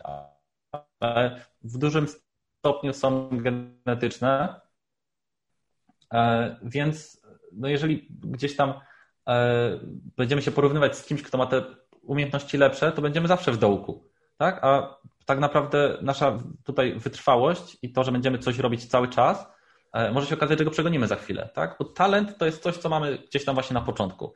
Ale prawdziwy sukces nie osiąga się tylko dzięki temu, że się ma talent, tylko dzięki tak. temu, że się cały czas pracuje, że się cały czas wkłada tą pracę dodatkową, że się cały czas uczy. Jeżeli ktoś się przestaje uczyć, to tak naprawdę to jest najsmutniejszy moment w jego życiu. I to jest ten moment, kiedy e, no, przestaje się rozwijać jako człowiek. Tak? Potem już całe życie robi w kółko to samo, jak ten chomik w tym kole. No tak, ale, ale nie sądzisz, że jest coś takiego jednak, że gdzieś tam jesteśmy jednak w pewnych kwestiach silniejsi, w pewnych kwestiach słabsi i dobrze jest mieć tę wiedzę odpowiednio wcześnie, E, na zasadzie, ok, dobra, tu jestem mocniejszy, tu jestem słabszy. Nie na zasadzie, ok, i też to, to jest pewnie jakieś tam wyzwanie, żeby też to dobrze sprzedać, tak, takiemu dziecku, żeby ono nie dobrało tego, że coś jest ze mną nie tak, że jestem po prostu chujowy w tym, a w tym zajebisty i tak dalej. Nie, tylko że na zasadzie, ok, no, tu ci idzie lepiej, tu ci idzie, idzie słabiej co chcesz z tym zrobić, nie? Na zasadzie takiej, na zasadzie takiej po prostu wiedzy, no ale no nie masz jak tej wiedzy przekazać bez jakiegoś systemu na zasadzie oceniania, wiesz, weryfikacji może bardziej, może to byłoby lepsze słowo. Czy to się musi odbywać przy pomocy dawania sztempla jakości, że kurde, wiesz, że jest piona, jest to, to może faktycznie, może, może nie ma sensu tego robić w ten sposób, ale znaczy, ja... myślę, że, myślę, że ważne jest sorry, przerwałem ci, ale myślę, że ważne jest to, żeby stawiać na to, w czym jesteśmy silni i niekoniecznie nadrabiać wszędzie, gdzie jesteśmy słabi, bo to mhm. znowu zrobimy się tacy do wszystkiego i do niczego. E, ale myślę, że to każdy tak podświadomie trochę czuje. W sensie Ja na przykład mając, nie wiem, 6 lat rozwiązywałem zadania matematyczne. Będąc w drugiej klasie pomagałem bratu z matematyki, który był dwa lata starszy. E, I gdzieś tam po prostu mnie to pasjonowało, tak? Ja na chyba siódme urodziny poprosiłem książkę do mensy. E, tak, tak, w sensie matematyczną tam książkę z takimi zadaniami. E, I to nie wynikało jakby ze szkoły. W sensie to było coś, co ja gdzieś tam miałem. I każdy ma coś takiego, myślę, w sobie, więc tych, te oceny, one tylko, no, moim zdaniem, mogą zaburzać poczucie własnej wartości niepotrzebnie, bo mamy takie poczucie wtedy właśnie, i to w dwie strony działa, to jest bardzo ważne, bo właśnie jest ta osoba, która E, która włożyła kupę wysiłku i dostaje truje, jest ta osoba, która w ogóle nie włożyła wysiłku, dostaje piątkę, więc u tej poczucie wartości niesłusznie spada, a u tamtej niesłusznie rośnie. I tu wchodzi wtedy rozmowa, nie? Na zasadzie właśnie ojca, rodzica, przepraszam, z dzieckiem, że na zasadzie, że okej, okay, to nie jest tak, że ty jesteś gorsza od niego. Nie, po prostu on ma taki talent, ty masz jakiś inny talent, znajdźmy go, nie? Tak. I to jest jeszcze rozmowa, która ma miejsce i która się odbywa, ale z tym dzieckiem, które dostaje piątki, mało kto czasami rozmawia, a ono później idzie właśnie jako taki egoistyczny e, egocentryk, który przekonany jest o swojej wspaniałości i że on nie musi nic robić w życiu i że wszystko mu się będzie układać i będzie się udawało, bo on też ma właśnie to stałe myślenie, że on po prostu jest w tym dobry, on, on ma takie predyspozycje i on nie musi nic robić. No nie. Więc na przykład ja tutaj jestem za tym, żeby, znaczy to by był idealny system, żeby e, patrzeć na to, gdzie się znajduje dziecko, trochę tak jak robimy z językiem angielskim, tak? Na początku robimy test, dzielimy na grupy lepsze i gorsze, tak? W sensie poziom podstawowy, poziom zaawansowany. Mhm. To tak zrobić z wszystkimi przedmiotami. E, jest taki system w Anglii chyba bodajże. Tak mi, ktoś, tak mi ktoś kiedyś przynajmniej powiedział i wydaje mi się, że to jest idealny system, chociaż nie jestem pewny, czy on rzeczywiście jest w Anglii. E, działa to na tej zasadzie, że jak idziesz do szkoły, to dostajesz tam każdą klasę na pierwszym poziomie i teraz jeżeli czegoś nie zdasz, e, to nie jest tak, że dostajesz, tylko przechodzisz dalej i wszystko masz na drugim poziomie, a ten na przykład matematykę masz dalej na pierwszym. Okej. Okay. I chodzi o to, że jak przechodzisz przez te wszystkie przez, przez te wszystkie klasy, no to z czegoś jesteś super i gdzieś tam doszedłeś daleko, ale z tych pozostałych przedmiotów masz te podstawy. Bo na przykład u nas mamy ten absurd w szkole, że mamy ludzi w liceum, którzy nie potrafią tabliczki mnożenia. A w takim systemie do tego nie dojdzie. W sensie tą tabliczkę mnożenia będziesz przerabiał przez 5 lat. Nikt cię nie będzie uczył logarytmów, bo to nie ma sensu, ale przez te 5 lat wyjdziesz ze szkoły i będziesz tą tabliczkę mnożenia znał. A nie będziesz gdzieś tam wzorów skróconego mnożenia i innych cudów, które umówmy się, w życiu się nie przydały chyba nikomu ani razu, poza jakimiś tam architektami pewnie, czy, czy kimś takim. Jakby większość rzeczy sprzedawanej w szkole, e, jakby pomijając już sam system ocen, e, jest też właśnie taki, że nauczymy się czegoś, nie do końca wiemy po co e, i to też powoduje z kolei trochę że, że mam takie podejście, jakie mam do, do tego systemu, bo, bo cały ten system edukacyjny jest e, w moim, w moim odczuciu niestety 40 lat za, za światem cywilizowanym. Tak, znaczy, wiesz co, tutaj jest... Yy i tutaj jakby, ja nie chcę się powtarzać jak zdarta płyta, będziemy jak zdarta płyta się obaj, obaj powtarzać, że to się wszystko zawsze też sprowadza gdzieś tam do, do rozmowy. E, ja na przykład z, z Zośką bardziej bolałem, dopiero druga klasa, to tutaj się jeszcze, tutaj się wdrażamy tak naprawdę, natomiast Zośka już w szóstej klasie, no to już jakieś tam rozmowy były na temat w ogóle podejścia do nauki i tak dalej i ja z Zośką dwa czy trzy razy przeprowadziłem rozmowę, na, gdzie mówiłem jej, Zosiu, ja nie będę ci kłamał, bo nie chcę cię okłamywać w żaden sposób nigdy. Sporo rzeczy, których się teraz uczysz, prawdopodobnie nigdy w życiu nie użyjesz. Prawdopodobnie wiedza, którą zdobyłeś dzisiaj i z której cię dzisiaj wałkowałem przed sprawdzianem z biologii czy coś, czy z historii, prawdopodobnie to wyjdzie może kiedyś jako ciekawostka w jakiejś rozmowie, nie? Na, na tej zasadzie I, i to jest wszystko. Mi chcę tylko natomiast, żebyś wiedziała, że to, czego, to, co ja bym chciał, żebyś ty wyciągnęła ze szkoły, to koncepcję twar, znaczy twardej, ciężkiej pracy. Czyli żebyś ty się nauczyła pracować. Nie, że konkretnie to, że ja muszę wiedzieć te rzeczy, bo one mi się przydadzą. Nie, natomiast to, co ci się przyda w życiu, to świadomość, jak istotna jest ciężka praca, żeby coś w życiu osiągnąć. I na przykład, bo Zośka sama sobie postawiła w piątej klasie cel, żeby mieć pasek. Bo, mhm. okej, okay, wiemy, zgadzam się, że to nie jest niepotrzebne, bo na przykład w czwartej klasie paska nie miała, i moje dzieci też mają pasek, tak? To jakby nie jest jakiś, to nie jest tak, że ja naczekam na ten pasek i ten, no jakby, jakby po prostu bez obrazy dla, dla wszystkich, który, dla których to zależy mi to lata, nie? Ale w sensie chcą, mają, niech ten, no to jakby ich sprawa. Dokładnie. To nie jest tak, że ja się z tego powodu jakoś tam niesamowicie cieszę i coś z tego, coś im tam, nie wiem, daję za to, nie? Dokładnie.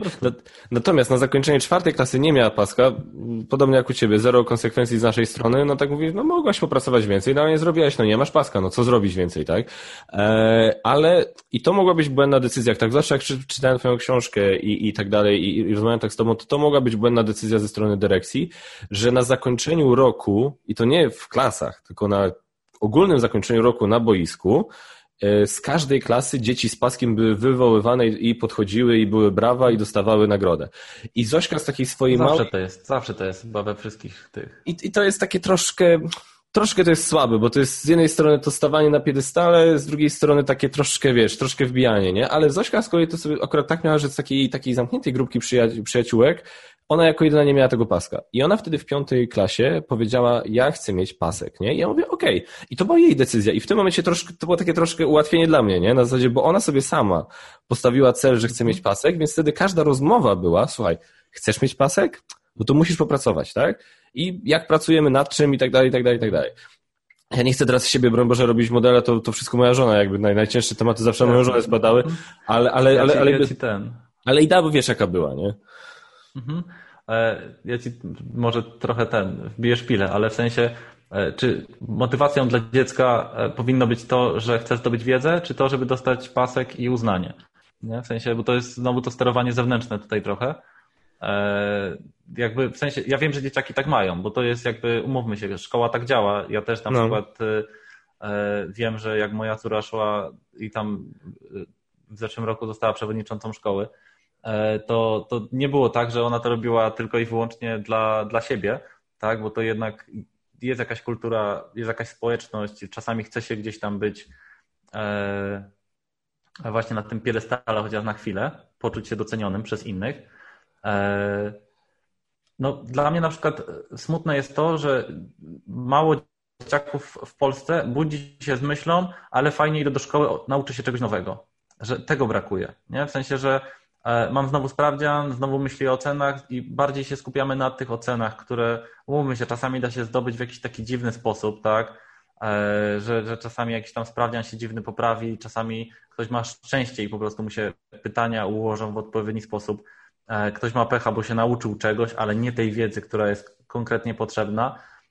Więc to jest tutaj takie dość, dość niesymetryczne, niesprawiedliwe, takie mam poczucie E, też jako, bo ja jestem i jako uczeń, i jako nauczyciel, i jako rodzic, e, no mam takie spojrzenie z, z różnych stron e, i no ja jestem jednak zwolennikiem tego, żeby dzieciaki, znaczy, bo czasami słyszę właśnie ten argument, że, że są rzeczy, to sam to też powiedziałeś, że są rzeczy, które na przykład rodzice powinni wtedy nadrobić rozmową, czy na przykład, że w szkole uczy się ciężkiej pracy, nie? E, ja jestem bardzo dużym zwolennikiem właśnie ciężkiej pracy, e, tylko na przykład w tej chwili szkoła, jako szkoła, e, to jest taka no, ZZZ, tak? Zakuć, zdać, zapomnieć. Na studiach jeszcze jedno Z. Tak. I można, można by tą samą pracę wykonać, robiąc coś ciekawego. W sensie takiego, co zostanie z nami. W sensie nabywać umiejętności przydatne. I to jest dla mnie na przykład tutaj duży minus szkoły i na przykład pojawia się też taki częsty argument, że mówię, no okej, okay, no to zastąp, zastąpmy jakby, okej, okay, podstawowa wiedza z każdego przedmiotu jest potrzebna, tak? E, wiedzieć, znać historię swojego kraju, z przyrody znać podstawowe rzeczy, e, tak, to są rzeczy, które są potrzebne. Zaawansowana niekoniecznie, więc później na przykład wprowadźmy edukację finansową, wprowadźmy edukację seksualną, teraz taki grząski temat, e, ale wprowadźmy właśnie jakąś psychoterapię, wprowadźmy logikę, wprowadźmy e, te wszystkie przedmioty, które mogą później się w życiu przydać. E, edukację podatkową, tak, nauczmy się, że brutto w Polsce jest najgorszą po prostu i nieistniejącą i w ogóle nikomu niepotrzebną kwotą, jeśli chodzi o pensję brutto, bo ani pracodawca tyle nie płaci, ani pracownik tyle nie dostaje. Brut to jest w ogóle oszustwem największym, jakie nam wymyślono. Jak byłem e, młodszy, to ten, I... to zapamiętałem różnicę między brutto a netto, mówiąc sobie brutto to brut, po prostu, nie? W zasadzie brut. to jest dla mnie brutto. W, brut. Tak. Ale ten, Jak ja byłem młodszy, to myślałem, że jak będę zarabiał 3000 miesięcznie, to po roku będę miał 36 tysięcy, nie? Ale... Ach, to naiwność. Byłem dobry, byłem dobry właśnie z matematyki, ale jakby z życia średnio. No, więc jestem za tym, żeby, okej, okay, poświęcamy już ileś tam lat na tą szkołę, e, to dajmy wtedy, w dalszym ciągu będziemy musieli wykonać, dzieciaki będą musiały wykonać tą samą pracę, ich mózgi będą pracowały na tym samym poziomie, ale nie będą się uczyły tam, kiedy miesiączkują pingwiny w Zambii, tylko będą, będą, będą się uczyły jakiejś tam przydatnej wiedzy, tak? Na przykład, umówmy się, jakby teraz wziąć i w liceach prowadzić edukację finansową, to dzieciaki będą zachwycone. Poza tym będą słuchać, będą chętnie przychodziły, nie będą opuszczały, bo będą wiedziały, że na przykład od tego zależy, czy będą zarabiały więcej albo mniej. Słuchaj, no, tu, tutaj, tutaj zero kłótni z mojej strony, nie zgadzam się w 100%. Żeby, żeby to, zrobić. Nie, nie przyszliśmy się pokłócić, możemy się pozgadzać trochę też. też racja. Co no. ja tylko a propos tego systemu karyjnego, to jeszcze tego chciałem po prostu jakby tak e, powiedzieć, że ja, ja na przykład... Uciekam od niego, uciekam od niego. Ja wiem, wiem, wiem, wiem. Dlatego już chcę zamknąć, chcę zamknąć, tylko po prostu zobaczyć, czy jesteś w stanie się ze mną zgodzić, chociaż do tego stopnia, jak, jak ja na przykład zaproponuję takie coś, że bo ja się zgadzam z tym, że modele życia są różne i, i, i fajnie w ogóle by było mieć społeczeństwo, w którym naprawdę mamy opcje i dużo opcji, żeby sobie wybrać to, co nam pasuje najbardziej. I, i kurde, życzę moim dzieciom, żeby żyły w społeczeństwie, no jakby dla siebie już specjalnie nadziei nie widzę, ale żeby moje dzieci e, po prostu faktycznie to społeczeństwo się jakoś na tyle rozwinęło, że one ten wybór gdzieś tam będą miały. No ale na chwilę obecną, jak tak patrzę, to jednak bardziej prawdopodobne mi się wydaje, że jednak gdzieś tam wpadną w taki system tej pracy od dziewiątej do piątej i, i, i tak dalej i, i e, nawet się w tym odnajdą. Ja się w tym odnalazłem, więc wierzę, że też mogą się w tym odnaleźć. Każdy się może w tym odnaleźć. I w takim razie, że jeżeli ten system tak działa i jest jakieś tam prawdopodobieństwo, to też jakby przygotować się do tego właśnie psychicznie, poprzez może właśnie mówię tak stosowanie takich nazwijmy to kar i nagród, przy czym podkreślam, to nie może być kara bezmyślna, to nie może być po prostu kara totalnie oderwana od, wiesz, w jakikolwiek sposób od rzeczywistości, to nie może być i, to, i przede wszystkim najgorszą rzeczą, którą, może, którą można zrobić, to jest właśnie to, to, co, wspominałeś, żeby po prostu, że dziecko nie ma nawet bladego pojęcia, za co on tą karę dostał, tak? To jest dla mnie najgorsza opcja, jakby w ogóle karanie y, rocznego czy dwuletniego dziecka w jakikolwiek sposób dla mnie zahacza po prostu o, o, kretynizm. No po prostu, no tak, no, no powie, powiedz, powiedz mu nie, niech ona usłyszy, co to znaczy nie, nie wiem, no cokolwiek, ale jako, jak karę dla rocznego dziecka? To jest w ogóle, no, dla, dla, mnie to jest abstrakcja. Spotka, spotkałem się z klapsami dla młodszych dzieci, więc to są jakby te absurdy nie. właśnie, do których zmierzamy. E, no, musimy pamiętać o tym, że mózg się rozwija do 25 roku życia chyba, e, więc nawet nie do 18. Tak. E, więc jakby te narzędzia, które mają nasze dzieci w dalszym ciągu nie są w pełni, no w sensie e, jakby rozumiem to, to, to, to co mówisz e, i trochę dla mnie to jest, czasami też właśnie się spotykam z tym, że ja hartuję moje dzieci, bo muszę je przygotować na ten świat. Tak, i ktoś na przykład właśnie mówi, że on, nie wiem, stosuje właśnie system kar i nagród, bo spotka to w świecie.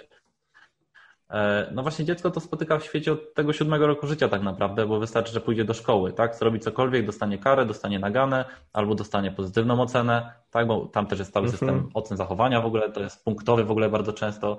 E, u nas na przykład pamiętam, że trzeba było przynosić piłeczki ping-pongowe do szkoły, bo pięć punktów się z zachowania za to dostawało. Więc można sobie było kupić zachowanie. E, więc e, można było uderzyć kolegę, ale potem trzeba było kupić sześć piłeczek ping-pongowych. Nie? To jakby był bardzo sensowny system. no, Ameryka po prostu. No, kocham. Nie, nie wiem, kto na to wpadł, ale tak to działało. E, ja ten.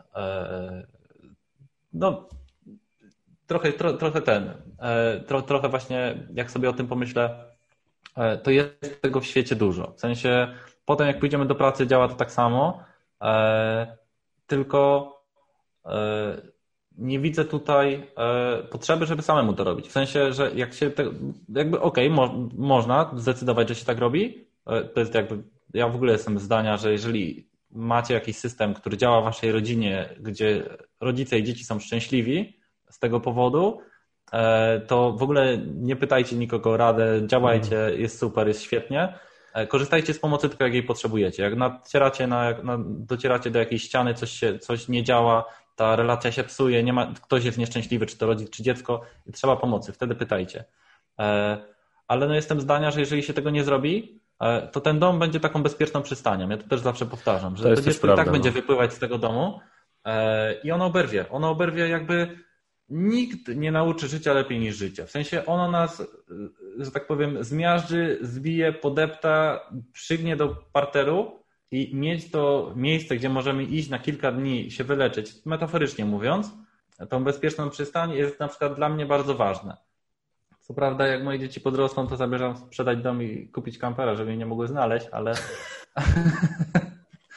ale, ale tak mówiąc, jak są jeszcze w tym wieku, w jakim są. No jak coś natrafiałem na jakiś problem, e, to właśnie chcę, żeby mogły przyjść i, i poczuć się bezpiecznie, a widzę, że te wszystkie rzeczy, które ludzie mi gdzieś tam zarzucają, że one powinny być w domu, że przygotowują na życie, bo w życiu tego nie spotkają, spotkają. W sensie dzieci, które mają w dzisiejszych czasach 12-13 lat, one się spotkały z wszystkimi negatywnymi rzeczami praktycznie, takimi chociażby na lekkim poziomie, które spotkają już w życiu. To jest tak, że ten świat nas nie oszczędza. W sensie oberwiemy z każdej strony. Zobaczymy, czym jest niesprawiedliwość, zobaczymy, czym jest nielojalność, czym jest y, no, każda taka rzecz, która nas może skrzywdzić. E, to dzieciaki się z tego nauczą chociażby w środowisku szkolnym, a nawet jeżeli nie szkolnym, to chociażby podwórkowym. To jest, to jest po prostu część życia. I jakby nie, nie uważam, że to musi być część tego, co, co się dzieje w rodzinie. E, więc, e, więc niestety e, no nie powiem, ok, masz rację w tym, w sensie, że się zgodzę, to, ale to też nie znaczy, że moja prawda jest jedyną prawdą i że ja mam rację. To jest tak, że ja po prostu tak uważam, w sensie ja prywatnie. Ja też bardzo ważna to jest rzecz, którą chcę powiedzieć podczas tej rozmowy. Ja nie jestem psychologiem, ja jestem nauczycielem, więc ja nie udzielam żadnych porad. Ja mhm. mówię jako ja, jako rodzic najczęściej. Ja zawsze mówię z własnej perspektywy tylko i wyłącznie, e, więc e, tych porad nie bierzcie jako coś, ja na przykład czasami opisuję wyniki jakichś badań, e, tak, no to opisuję wyniki badań, to, to są jakby fakty, ale to nie jest tak, że ja opisuję to jako że to jest jakiś mój pomysł. W sensie albo się podpieram badaniami, albo opisuję coś, co mi się przytrafiło, albo na przykład opisuję, jak ja to widzę, tak, z tym systemem kar i nagród. Ale to nie jest tak, że jakby z tego, co mi się wydaje na tą chwilę, to konsensus naukowy jest zbliżony temu, co mówię, e, ale umówmy się, nauka też jest rozwojową, jakby cały mhm. czas się zmienia, tak? Więc może być tak. Na tą Zwłaszcza jest... ta nauka, nie psychologia.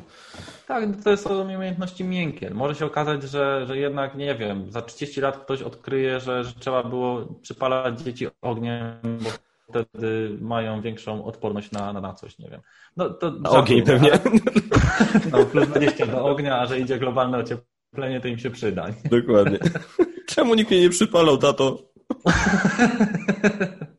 tak, więc bardzo to jest dla mnie ważne, żeby zaznaczyć, że nie jestem jakimś tutaj guru, nie jestem kimś, kto jakby Buddha, to jest, jego cytat jest w mojej książce też właśnie, E, jeden z moich ulubionych, który mi towarzyszy od wieku nastoletniego, żeby nie wierzyć żadnym przekazom, nieważne kto je powiedział, wierzcie tylko temu, e, co sami sprawdziliście, co daje wam wartość, co u was zadziałało i co przynosi wam szczęście. I to, to, to jest taki dłuższy cytat, większy, oczywiście nie znam na pamięć, bo, bo jest za długi, a jednak z matematyki jakby się udało policzyć, to może mi poszło lepiej, ale więc, więc jestem takim gdzieś tam po prostu kolejnym rodzicem, który, e, który się dzieli tym, co robi, ale nie jestem żadną wyrocznią i broń Boże nie chcę, nie chcę za takiego uchodzić. E, staram się używać logicznych argumentów co do, co do, co do tego, co prezentuję, ewentualnie podeprzeć się jakimiś badaniami, ale w dalszym ciągu jestem za tym, żeby rodzice się kierowali swoją własną intuicją. E, jeżeli, tak jak mówię, wszystko u nich działa, to żeby nie słuchali żadnych złotych rad, bo niechciane rady jest, są plagą po prostu i, i, e, i uważam, że rodzice właśnie bardzo dużo tracą na tym, że, że patrzą na to, co robią inni dookoła. W sensie, jeżeli ktoś opisuje mi jakąś trudną sytuację, którą miał z dzieckiem w sklepie, na placu zabaw, e, czy gdzieś w jakimś innym miejscu publicznym, ja zawsze zadaję pytanie, czy ta sytuacja byłaby, byłaby tak samo trudna, gdybyś był, czy była tam tylko z dzieckiem. I nagle rodzic ma tak, no rzeczywiście, nie? Wiesz, dziecko płacze w sklepie. No płacze, no w domu też czasami płacze. Nie? No okej, okay, no popłacze trochę, skończy, no, no wścieknie się, bo czegoś mu nie kupiłeś, tak? Coś tam po, po, po, płacze na podłodze. No okej, okay, no poczekajmy, przejdzie mu, przytulimy się, na spokojnie potem po jakimś czasie mu wytłumaczymy sytuację. No okej, okay, no ale większość osób się zaczyna stresować, bo zaczyna się interesować ludźmi dookoła. No nie pamiętam jak cielęciem był, wtedy się pojawiają jakieś tam komentarze. E, niestety mnie raczej nie spotykają i z tego co słyszę, to większości ojców też nie, e, ale do matek się przypieprzają wszyscy. E, jak idzie dziecko, to jedna osoba mówi, żeby ubrać czapeczkę, mama ubiera czapeczkę, za chwilę mówi, że za ciepło, żeby zdjąć czapeczkę, więc to jest jakby no, nie, nie dogodzi. Moja teściowa po prostu, Jezu, za każdym razem wchodzi do nas do mieszkania, to każde dziecko ma w jakimś stopniu zmodyfikowaną garderobę. W sensie to, co ma na sobie. Ja naprawdę, ja już, ja już wychodzę, nie? Jak moja teściowa wchodzi, ja po prostu się usuwam parę pokoi dalej, po prostu już nie mogę. Jest, jest, jest taka plaga po prostu, więc to jest yy, naprawdę, kierujcie się własną intuicją i szukajcie pomocy dopiero jak rzeczywiście coś się dzieje nie tak. W sensie, yy, nie wiem, dziecko zaczyna się zachować w jakiś sposób, z którym sobie nie radzicie. Jest na przykład wycofane, albo jest za bardzo do ludzi, albo jest agresywne, albo jest nadruchliwe, tak? W sensie szukajcie pomocy, jak będziecie widzieć, że coś się dzieje nie tak. Ale jeżeli dzieje się wszystko ok, to gratuluję i ogólnie cieszcie się tym, tak? Cieszcie się, bo, bo to z dziećmi najczęściej nie trwa wiecznie.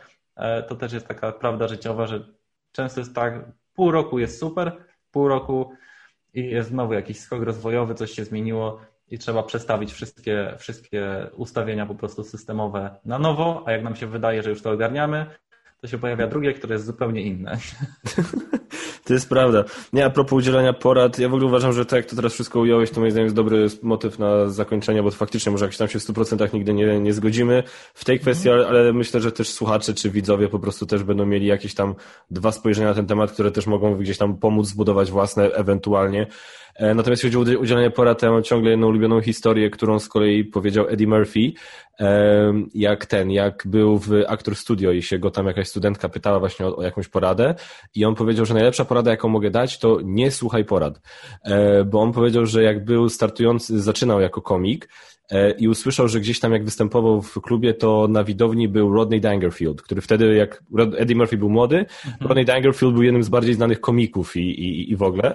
I, I Eddie Murphy się strasznie podjarał, nie? Na zasadzie, że o kurde, nie? Taki znany komik i będzie mnie słuchał. No więc zaczął tam jechać, nie? A że Eddie Murphy ma poczucie humoru, jakie ma, no to tam dużo fuck się, w ogóle jakieś tam gadanie i tak dalej. I potem zagadał do Rodneya i Rodney do niego powiedział, o młody człowieku, tak no nie wiem, może nie powinieneś tak dużo tych tak przeklinać, no bo to wiesz, to raczej, raczej ci, raczej na tym kariery nie zrobisz, jak tak będziesz bluzgał non-stop i tak dalej. E, przymień w czasie do 20 chyba lat później spotkali się przez przypadek przy pisuarze w kasynie w Las Vegas i po prostu Ronnie Daggerfield tylko tak się na niego spojrzał, hm, kto by pomyślał, na tej zasadzie.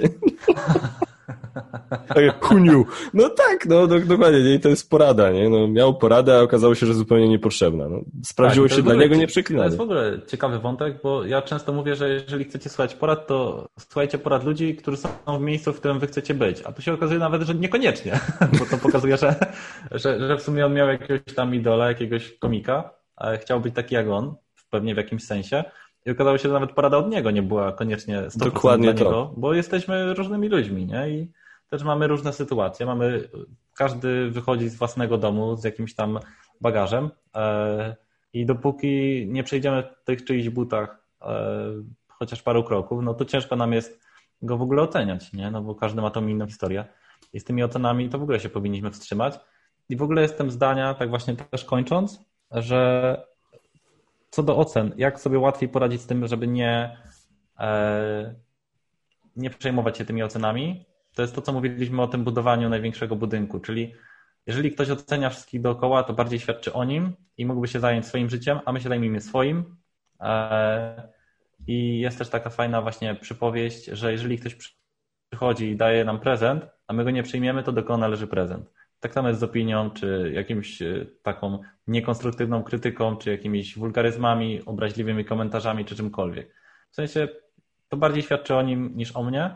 E, I ja myślę, że tutaj się musimy kierować trochę empatią na zasadzie, ja jestem szczęśliwym człowiekiem, bo ja nie muszę tak robić. Ja mu trochę w sumie współczuję, że jego życie się skupia na tym, e, że on ma takie jakby doświadczenia, że jego życie się skupia na tym, że tylko chodzi innych ocenia, czy radzi, czy, czy jest taki krytyczny, zamiast zająć się czymś przyjemnym, co mu sprawiło radość.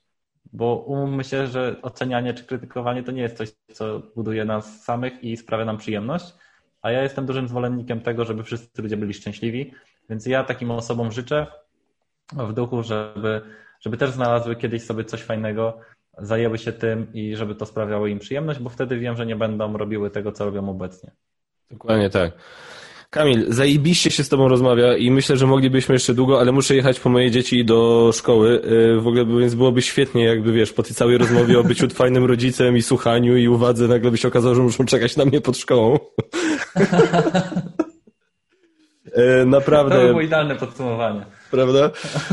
Y, słuchaj, moi patroni zadali na grupie parę pytań, które chciałem, żeby, które bardzo, które tam zapytałem się, czy chcą cię o coś zapytać. E, I teraz jest kwestia, ponieważ już mówię, już nie, nie mamy niestety czasu. Mam nadzieję, że moi patroni mi darują, ale czy byłaby na przykład opcja, żebym ja ci te pytania wysłał, a ty byś mi na przykład na nie pisemnie odpowiedział? Jasne. To jest chyba dwa czy trzy pytania. To ten, to. A poczekaj, moja żona, na przykład, moja żona na przykład się ciebie spytała, w jaki sposób go, godzisz bycie tak medialną i tak znaną osobą e, z byciem dobrym ojcem trójki dzieci. Znaczy, no przede wszystkim nie pokazuję wizerunków moich dzieci i mieszkam na wsi, więc to, to bardzo pomaga, bo tu mnie, jakby umówmy się, większość ludzi nie zna. To prawda, znajomi jak ze mną gdzieś pojadą, czasami, nie wiem, na wczasy i gdzieś nad morzem jesteśmy i albo na przykład na Malediwach, tak, i ktoś mnie pozna, to mają tak, ale wiocha. ale, ale no, jakby myślę, że to, że nie świecę wszędzie, że tak powiem, całym tym swoim wizerunkiem rodzinnym i, i swoją twarzą, to, to jest pomocne tutaj, więc e, to, że docieram do wielu ludzi, to jeszcze nie znaczy, że, e, że gdzieś tam mi to przeszkadza na co dzień. E, po drugie siedzę dużo w domu, więc jestem introwertykiem, kocham swój dom, więc... No ale musisz jakoś zajebiście zarządzać czasem swoim, że to godzisz. Że, w sensie, że czasem musisz jakoś znaczy.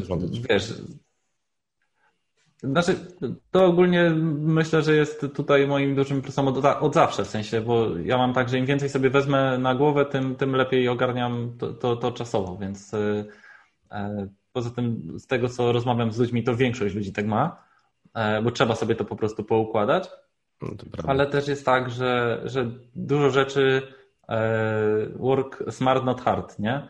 E, że mam parę takich rzeczy, że, że one nie kosztują mnie dużo pracy, a dają fajny efekt. O.